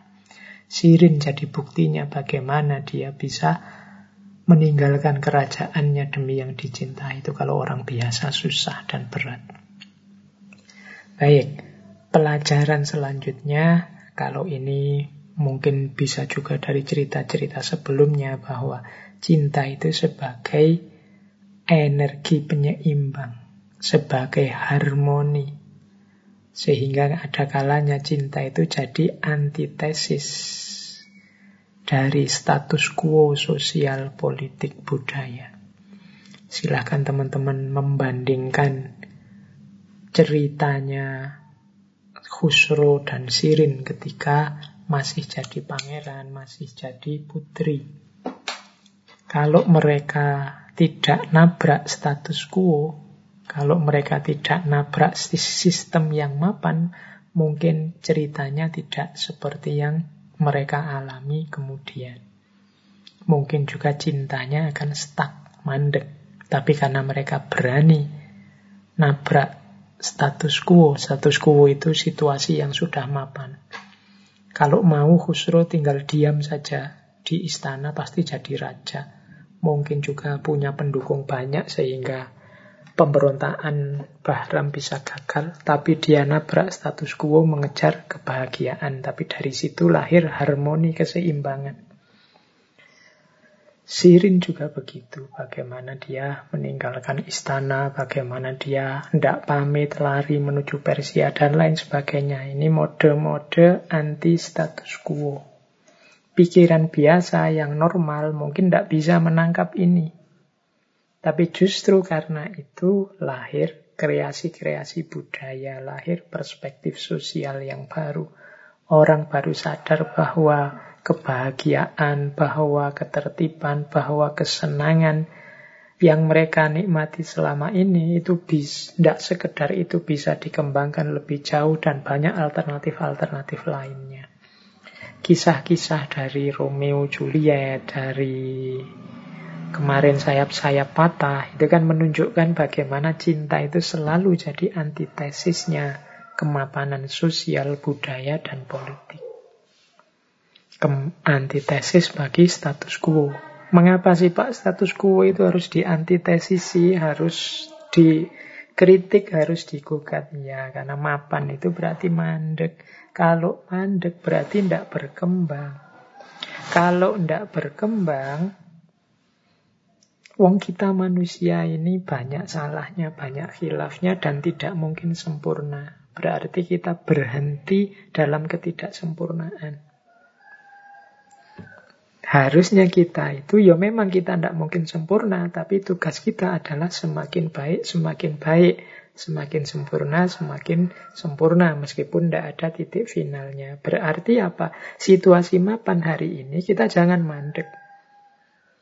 Kita belajar lagi, kita kembangkan lagi, kita belajar lagi, kita kembangkan lagi. Nah, begitu terus sampai pada titik yang semakin sempurna, semakin sempurna. Dan biasanya yang bisa membongkar ini adalah kekuatan cinta. Ini cerita-cerita banyak tentang cinta. Misalnya cintanya Rasulullah pada masyarakatnya, pada lingkungannya, pada zamannya, sehingga membuat beliau merenung di Gua Hiro. Itu kan dari cinta kemudian muncul tadi kreativitas-kreativitas sampai beliau oleh Allah diberi wahyu sebagai solusi segala problem yang selama ini beliau gelisahkan antitesis terhadap kemapanan Quraisy saat itu. Itu awalnya dari cinta. Jadi ini salah satu yang bisa kita tangkap dari kisah Khusro dan Sirin. Jadi cinta sebagai antitesis status quo sosial, budaya, dan politik. Baik, kita lanjutkan. Wah, waktunya sudah tinggal 30 menit lagi. Ini tadi agak terlalu banyak dindongengnya ya, ndak apa-apalah. Yang penting kita dapat beberapa pelajaran berharga tentang cinta dari Khusro dan Sirin. Baik, setelah ini kita belajar tentang cinta yang tulus dari seorang Farhat. Ini saya tadi bilang ada beberapa dialog yang menurut saya penting tentang karakter cinta. Dialog ini antara Khusro dan Farhat. Dua orang yang bersaing memperebutkan cintanya Sirin. Nah, kita baca pelan-pelan ini yo saya motong-motong tidak saya cantumkan semua. Saya ambil yang menurut saya penting saja. Nah, yang pertama ini dialog pertama. Ini dialog ketika Farhad dipanggil oleh Khusro ke istananya. Setelah Khusro tahu ternyata Farhad ini jatuh cinta begitu dalamnya pada Sirin. Ceritanya sampai dikenal oleh masyarakat sekelilingnya. Dipanggillah Farhat oleh Khusro. Ya Farhat ini hitungannya ya rakyatnya Khusro. Karena Khusro kaisar Persia. Nah, awalnya Khusro tanya pada Farhat, kamu ini aku tahu namamu Farhat, asalmu dari mana? Nah, Farhatnya jawab, jika yang baginda maksudkan adalah tempat kelahiran hamba, maka tempat hamba lahir adalah Madain. Akan tetapi, sejak hamba jatuh cinta, rumah hamba adalah di mana kekasih hamba tinggal. Ini pelajaran dari Nizami lewat kata-katanya Farhat. Jadi orang yang jatuh cinta itu, dia tidak ada di mana-mana. Satu-satunya tempatnya tinggal adalah kekasihnya. Orang yang jatuh cinta itu meskipun raganya ada di rumah, tapi kesadarannya ada di tempat yang dia cintai. Meskipun fisiknya ada di pasar, di jalan, di gunung, di mana saja, tapi pikirannya ada pada yang dia cintai. Bahkan dirinya sendiri, dia ada di mana tidak tahu. Yang dia tahu di mana adanya kekasihnya. Orang yang jatuh cinta seperti Farhat ini, dia tidak sadar dia ini ada di gunung apa ada di sebelah rumahnya Sirin. Ngertinya dia Sirin ada di dalam rumah itu. Nah ini kesadaran seorang pecinta. Kalau kita tarik ke ranah cinta ilahiyah, cinta ketuhanan, jawabannya berarti orang yang mencintai Allah itu kesadarannya ya kesadaran Allah.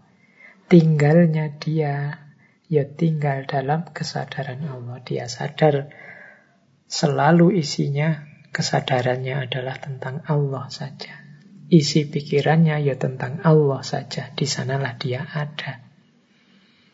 Inilah yang kadang-kadang para sufi tertentu yang sedang dimabuk cinta sehingga melupakan dirinya karena isi kesadarannya hanya kesadaran Allah saja. Kadang-kadang kalau ditanya menurut kita ngomongnya ngaco.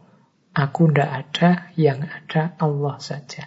Ini orang yang ada pada kesadaran Allah. Sama seperti Farhat Ketika ditanya kamu itu orang mana? Ya kalau padu katanya tempat lahir hamba, ya hamba orang Madain.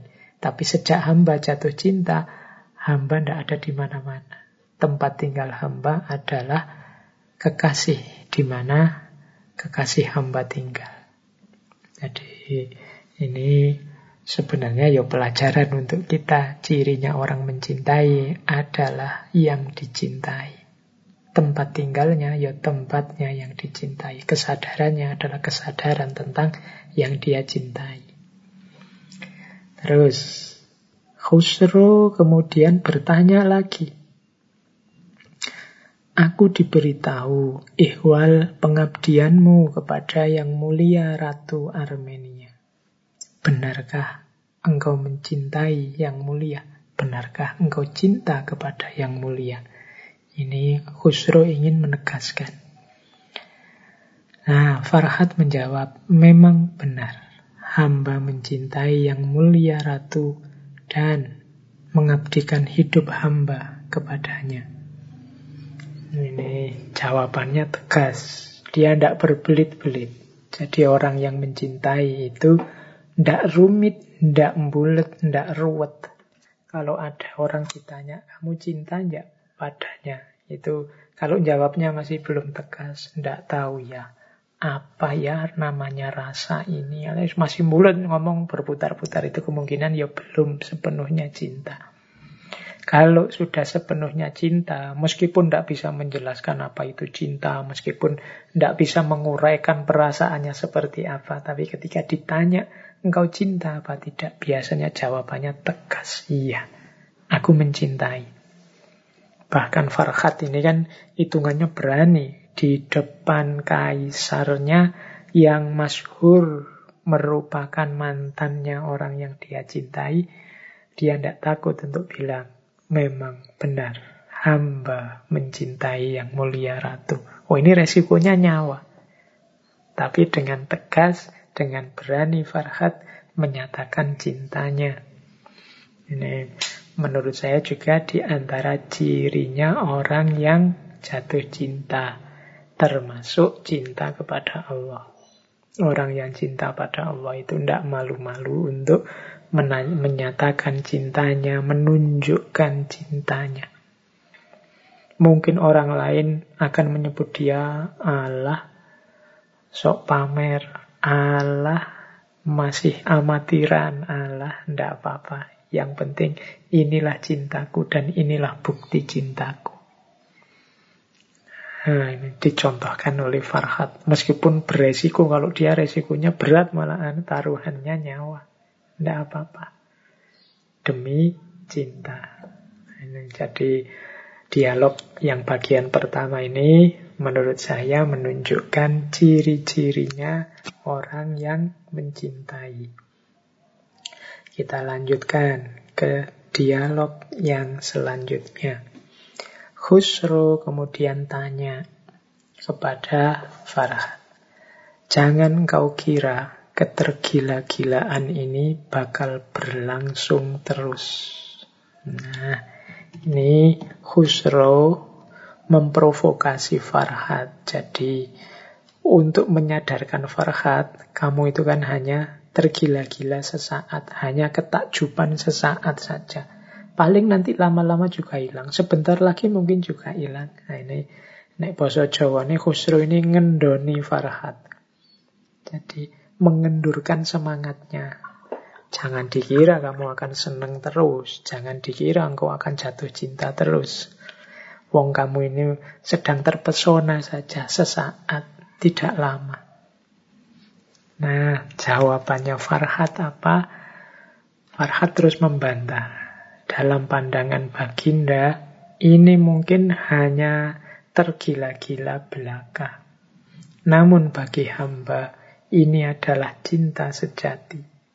Dan cinta sejati tidak bakal berakhir. Sekalipun mungkin sang pecinta sudah mati, sesungguhnya hanya cinta sejati yang akan terus hidup abadi. Jadi Farhat ini sangat yakin terhadap cintanya pada Sirin.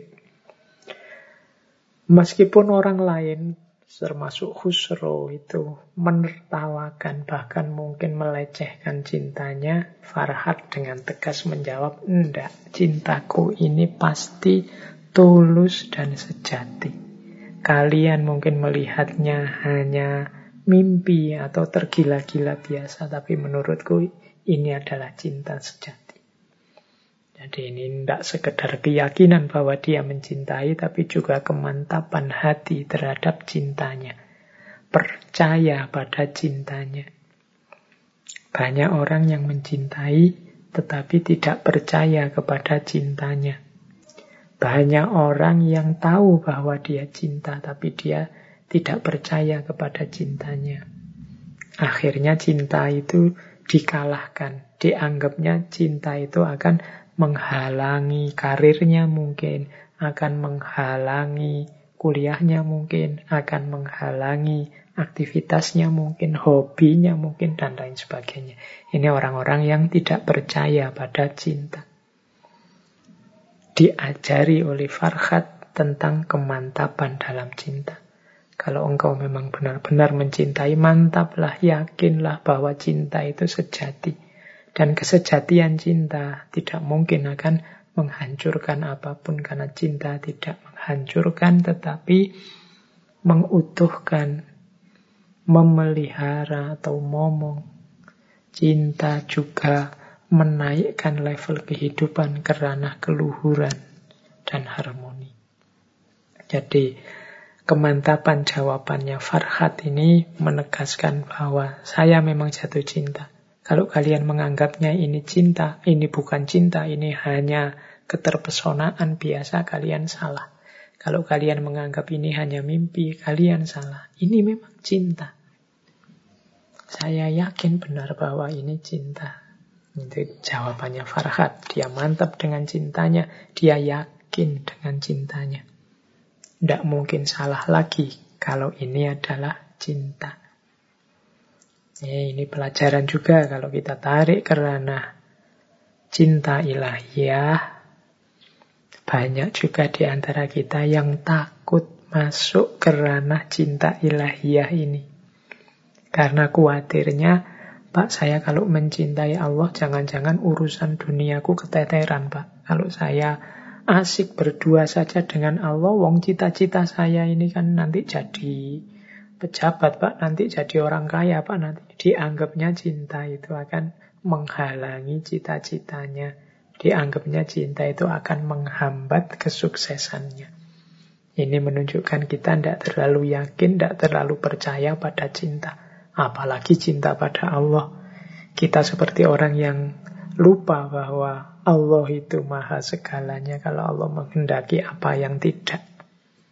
Semuanya jadi mungkin. Tapi karena kita lupa akan kemahakuasaannya Allah, sehingga kita ragu-ragu ingin masuk ke ranah cinta ilahiyah.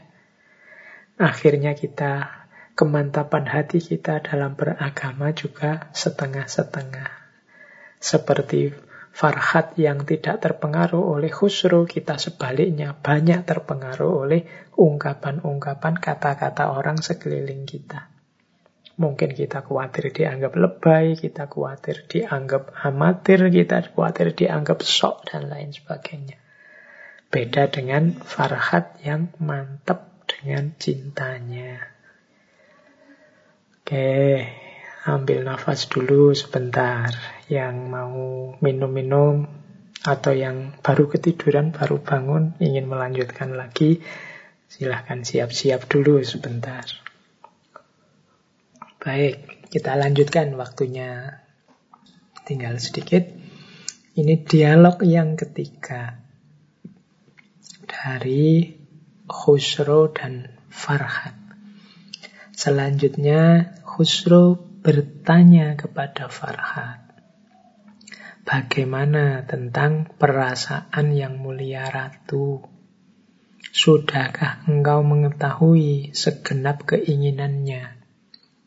Bagaimana jika beliau meminta darimu sesuatu yang tidak engkau miliki?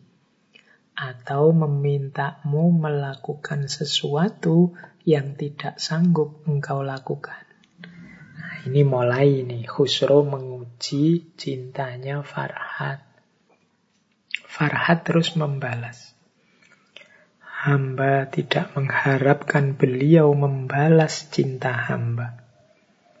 Hamba hanya mohon agar diizinkan mencintai beliau. Hati hamba satu-satunya milik hamba sudah beliau miliki hamba akan memohon agar Tuhan memberi hamba kemampuan untuk memenuhi segenap keinginannya. Oh, ini jawaban orang yang dilanda cinta yang tulus, cinta yang sejati. Kadang disebut unconditional love, cinta yang tanpa syarat. Jadi, cinta yang bahkan tidak menuntut untuk dibalas. Farhat ini kan mencintai seorang ratu, padahal dia hanya pekerja biasa, pegawai biasa Opo ya mungkin. Makanya Khusro tanya. Kalau sama Khusro sih mending sak level. Yang satu ratu, yang satu raja. Tapi engkau Farhat, engkau bukan apa-apa. Apakah ratu juga mencintaimu? Katanya Farhat, hamba tidak mengharapkan beliau membalas cinta hamba. Tujuanku bukan untuk cintaku dibalas. Tujuanku hamba hanya mohon agar diizinkan mencintai beliau. Jadi bolehkan aku mencintainya. Itu saja sudah cukup. Jadi ini yang kita sebut ketulusan, bukan pamrih. Cinta yang kita jalani kadang-kadang penuh dengan pamrih-pamrih. Jangankan balasan, kadang-kadang sudah dibales pun dia juga membalas cinta kita, kita masih melakukan negosiasi-negosiasi. Engkau harus begini, engkau harus begitu, engkau harus mengikuti keinginanku yang seperti ini, biar kita bisa berdua selamanya. Masih banyak syarat-syarat. Kalau Farhat, enggak. Bahkan dibales pun enggak. Asal izinkan aku mencintainya. Itu saja. Lah kalau dia memintamu, katanya kamu cinta. Gimana kalau dia memintamu sesuatu yang kau tidak punya? Atau memintamu sesuatu yang kau tidak sanggup melakukannya. Nah, kata Farhat apa? Hamba akan memohon agar Tuhan memberi hamba kemampuan untuk memenuhi segenap keinginannya. Jadi ini menurut saya jawaban yang realistis tapi juga indah. Realistis itu ndak, aku ndak akan bilang bahwa aku mampu segalanya, punya segalanya, bisa segalanya. Tapi aku akan berdoa agar diberi kemampuan mem memenuhi segenap keinginannya. Jadi tidak menyombongkan kepemilikan, kebisaan karena semua kepemilikan, semua kemampuan itu kan sumbernya dari Allah. Maka aku akan memohon agar selalu punya kemampuan untuk memenuhi segenap keinginannya. Tadi kan ada pelajaran bahwa cinta itu extended power, cinta itu creative tension. Insya Allah kalau cinta itu tulus, daya kekuatan itu akan muncul. Apa yang semula kita anggap tidak mampu kita lakukan, kalau itu karena cinta bisa kita jalankan. Maka satu-satunya katanya Farhat yang akan saya lakukan adalah berdoa. Agar selalu diberi kekuatan. Berarti apa? Akan saya usahakan sepenuhnya, semoga Allah akan selalu memberiku kekuatan untuk memenuhi keinginannya. Ini salah satu gambaran tentang sebuah cinta yang tulus. Dialog pertama tadi menunjukkan cirinya orang yang mencintai. Dialog kedua menunjukkan kemantapan hati orang yang mencintai. Dialog ketiga menunjukkan ketulusan orang yang mencintai. Sekarang kita lihat dialog keempat. Nah, ini dialog keempat ini Khusro kemudian menyatakan, Menurutku, engkau hanya akan mengalami kesedihan dan kesulitan. Mengapa engkau mesti menjalani kehidupanmu seperti ini? Padahal kekasihmu sama sekali tidak mengakui keberadaanmu. Di saat engkau bisa memperoleh cinta dari wanita-wanita cantik lainnya yang engkau inginkan. Jadi, ngapain sih kamu capek-capek? Ngapain sih kamu mencari kesulitan seperti ini? Mbok yo hidup itu yang santai saja. Kalau memang kekasihmu menolak, tidak mungkin lagi engkau dekati, kan masih banyak wanita hmm. lain yang mungkin lebih cantik dari yang sekarang engkau cintai. Nah ini Khusru berusaha agar Farhat menjauh dari Sirin. Makanya dia Bok kalau kamu mau, kan masih banyak wanita-wanita cantik. Mungkin maunya Khusro. Kalau kamu minta juga padaku, aku beri siapa pun yang kamu inginkan. Asal bukan sirin. Karena Farhat ini kan saingan cintanya. Nah, Farhat terus menyatakan begini. Hamba tidak memandang hidup hamba sebagai sebentuk kepedihan. Sebab bagi orang yang benar-benar mencintai, kepedihan dan obatnya adalah satu dan sama. Kekasih hamba mengakui atau tidak mengakui keberadaan hamba sama sekali tidaklah penting. Hamba mencintainya demi dirinya dan bukan demi diri hamba. Cukuplah bagi hamba untuk mencintainya.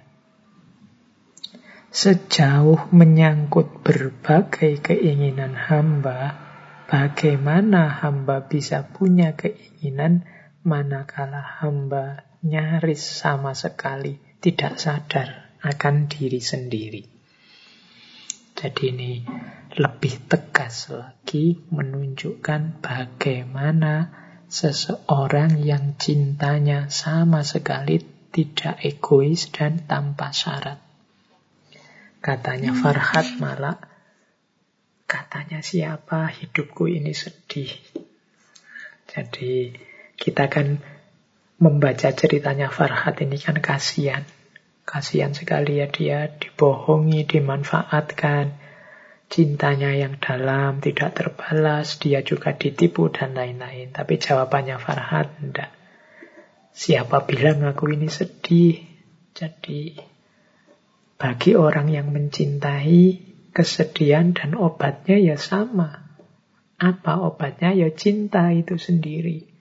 Kalau cinta itu disebut orang sebagai kepedihan, obatnya ya cinta itu sendiri. Jadi, tidak mungkin aku akan bilang cinta itu menyakitkan, karena cinta juga jadi obatnya. Jadi kepedihan dan obatnya adalah satu dan sama. Berarti apa? Aku tidak merasakan kesedihan seperti yang dilihat, digambarkan oleh orang-orang. Bahkan kekasih hamba mengakui atau tidak mengakui keberadaan hamba, itu tidak penting. Aku dianggap ada atau tidak, katanya Farhat, tidak penting. Mengapa? Karena aku tidak berpikir tentang diriku. Yang aku pikir hanya tentang dirinya. Kalau aku hanya berpikir tentang dirinya, Yo tentu saja aku tidak akan menuntut keberadaanku diakui. Kalau aku masih menuntut keberadaanku diakui, berarti aku masih mikir tentang diriku. Ayo teman-teman sambungkan ini dengan cinta ilahiyah. Saya bilang bolak-balik ini Nizami sedang mengajarkan kita tentang cinta kepada Allah. Jadi kita tidak menuntut apa pun pada yang kita cintai. Karena pikiran kita hanya sibuk tentang yang dicintai. Kalau kita bilang, engkau adalah segalanya bagiku, tapi masih memperhatikan apa yang kau berikan padaku. Engkau mengakui atau tidak keberadaanku, berarti kalimat engkau adalah segalanya bagiku tadi adalah bohong. Kalau orang bilang, yang ada di pikiranku hanya engkau berarti tentang aku, aku tidak berpikir sama sekali. Sudah sama sekali tidak ada ego di situ. Inilah yang dialami dalam puncak pengalamannya para sufi. Jadi cinta itu hanya berbunyi tentang dirinya, tidak tentang aku. Cukuplah aku ini sebagai orang yang mencintai titik. Makanya itu kalimat terakhirnya Farhat Sejauh menyangkut berbagai keinginan hamba, bagaimana hamba bisa punya keinginan manakala hamba nyaris sama sekali tidak sadar akan diri sendiri. Jadi, kok orang masih banyak pamrihnya berarti masih belum cinta. Kalau cinta yang tulus pasti tanpa pamrih. Mengapa? Karena cinta yang tulus itu hanya tentang dirinya, bukan tentang aku. Kalau masih ada aku di situ, kalau pakai logika ini berarti belum tulus. Masih mikir tentang aku. Karena cinta yang tulus itu yang dipikir hanya tentang dia. Berarti keinginan-keinginanku tidak penting, tidak perlu dibunyikan. Yang dibunyikan adalah keinginan-keinginannya. Kalau sulit dipahami, teman-teman bolehlah dianalogikan ini. Kalau tentang cinta ilahiyah agak berat, coba sambungkan dengan cintanya ibumu padamu. Ibumu itu kan jarang sekali membunyikan keinginannya yang dia bunyikan selalu keinginanmu. Jadi apa yang engkau butuhkan, apa yang engkau perlukan, itu yang biasanya diributkan oleh ibu. Tapi kebutuhannya sendiri, keinginannya sendiri jarang dibunyikan. Cinta yang tidak egois, tidak meminta apa-apa. Nah, ini silahkan nanti dianalogikan dengan cinta ilahiyah karena arahnya nisomi nantinya ke sana. Baik, dialog yang terakhir. Ini pertanyaan terakhir Khusro pada Farhat. Bagaimana jika rajamu ini menyuruhmu untuk meninggalkan yang mulia ratu dan mencampakkan cinta yang tolol itu? Farhat bilang langsung menjawab tegas yang demikian itu tidak bisa hamba patuhi baginda. Nah, apa pun boleh, tidak dapat apa pun boleh. Keinginan tidak ada yang terwujud boleh. Satu-satunya yang jangan dan tidak mungkin bisa hamba patuhi adalah meninggalkan cinta. Jadi Inilah jiwa pecinta yang sejati, yang tidak takut oleh sakit, tidak takut oleh resiko. Satu-satunya yang dia takutkan adalah tidak bisa mencintai. Makanya ketika diberi kabar bahwa Sirin sudah meninggal, itu langsung saat itu juga Farhat kehilangan vitalitas hidup dari orang yang kuasa menembus gunung saat itu juga dia kehilangan daya vitalitas hidup dan meninggal. Inilah ciri seorang pecinta yang sejati. Baik teman-teman, wah waktunya sudah mepet mau berakhir. Terakhir, ini saya bawakan sebuah syair dari Jalaluddin Rumi yang di situ ada Sirin, ada Farhat, yang isinya sebenarnya ciri-cirinya seorang pecinta. Ini karena waktunya sudah mau habis, saya baca saja sair ini, nanti teman-teman renungi maksudnya. Karena puisi itu kalau dijelaskan, sair itu kalau dijelaskan detail maksudnya jadi tidak terlalu menakjubkan setiap orang biarlah memaknai sesuai dengan versi dan level jiwanya masing-masing. Jadi ini salah satu syairnya Jalaluddin Rumi tentang cinta. Nasihat dari seseorang tak akan berguna bagi para pecinta. Cinta bukan semacam limpahan air yang dapat dibendung seseorang. Tiada cendekiawan akan tahu haru gembira di kepala orang yang mabuk cinta. Tiada seorang yang berpegang pada pikiran akan tahu pesona yang melambungkan hati mereka. Raja-raja menjadi tak acuh akan kedudukannya bila mereka menangkap bau anggur yang direkuk para pecinta.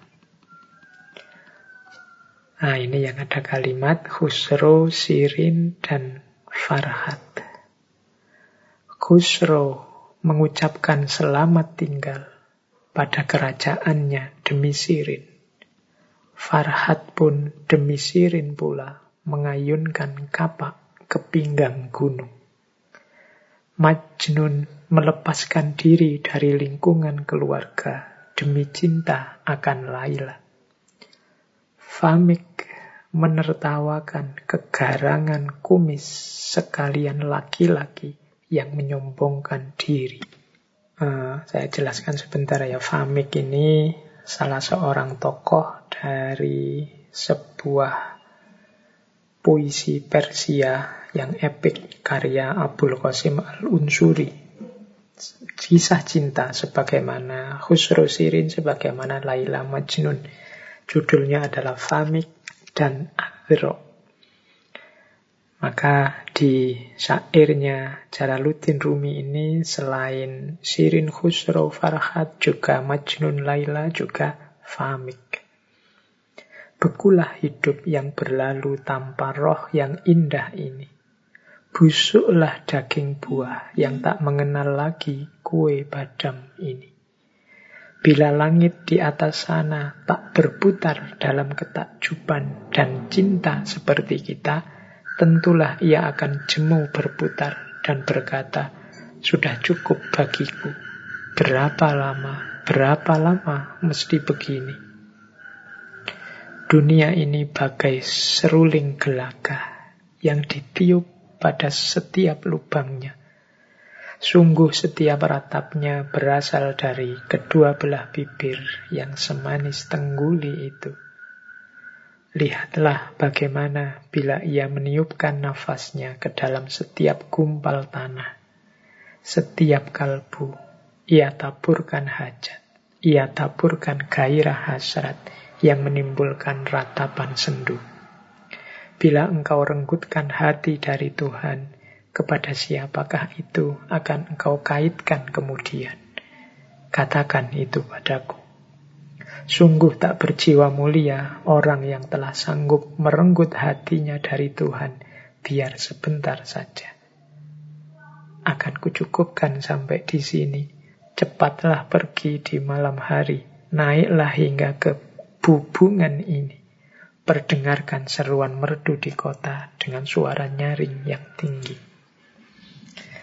Baik teman-teman, sebenarnya dari kata-katanya sudah bisa ditangkap apa maksudnya Maulana Rumi, tapi silahkan direnungi sendiri untuk teman-teman semua sesuai level jiwanya sendiri-sendiri.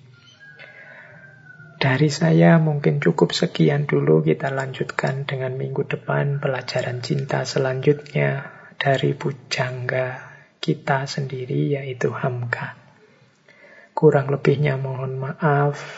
Wallahul muwafiq. Wallahu a'lam bisawab. Wassalamualaikum warahmatullahi wabarakatuh.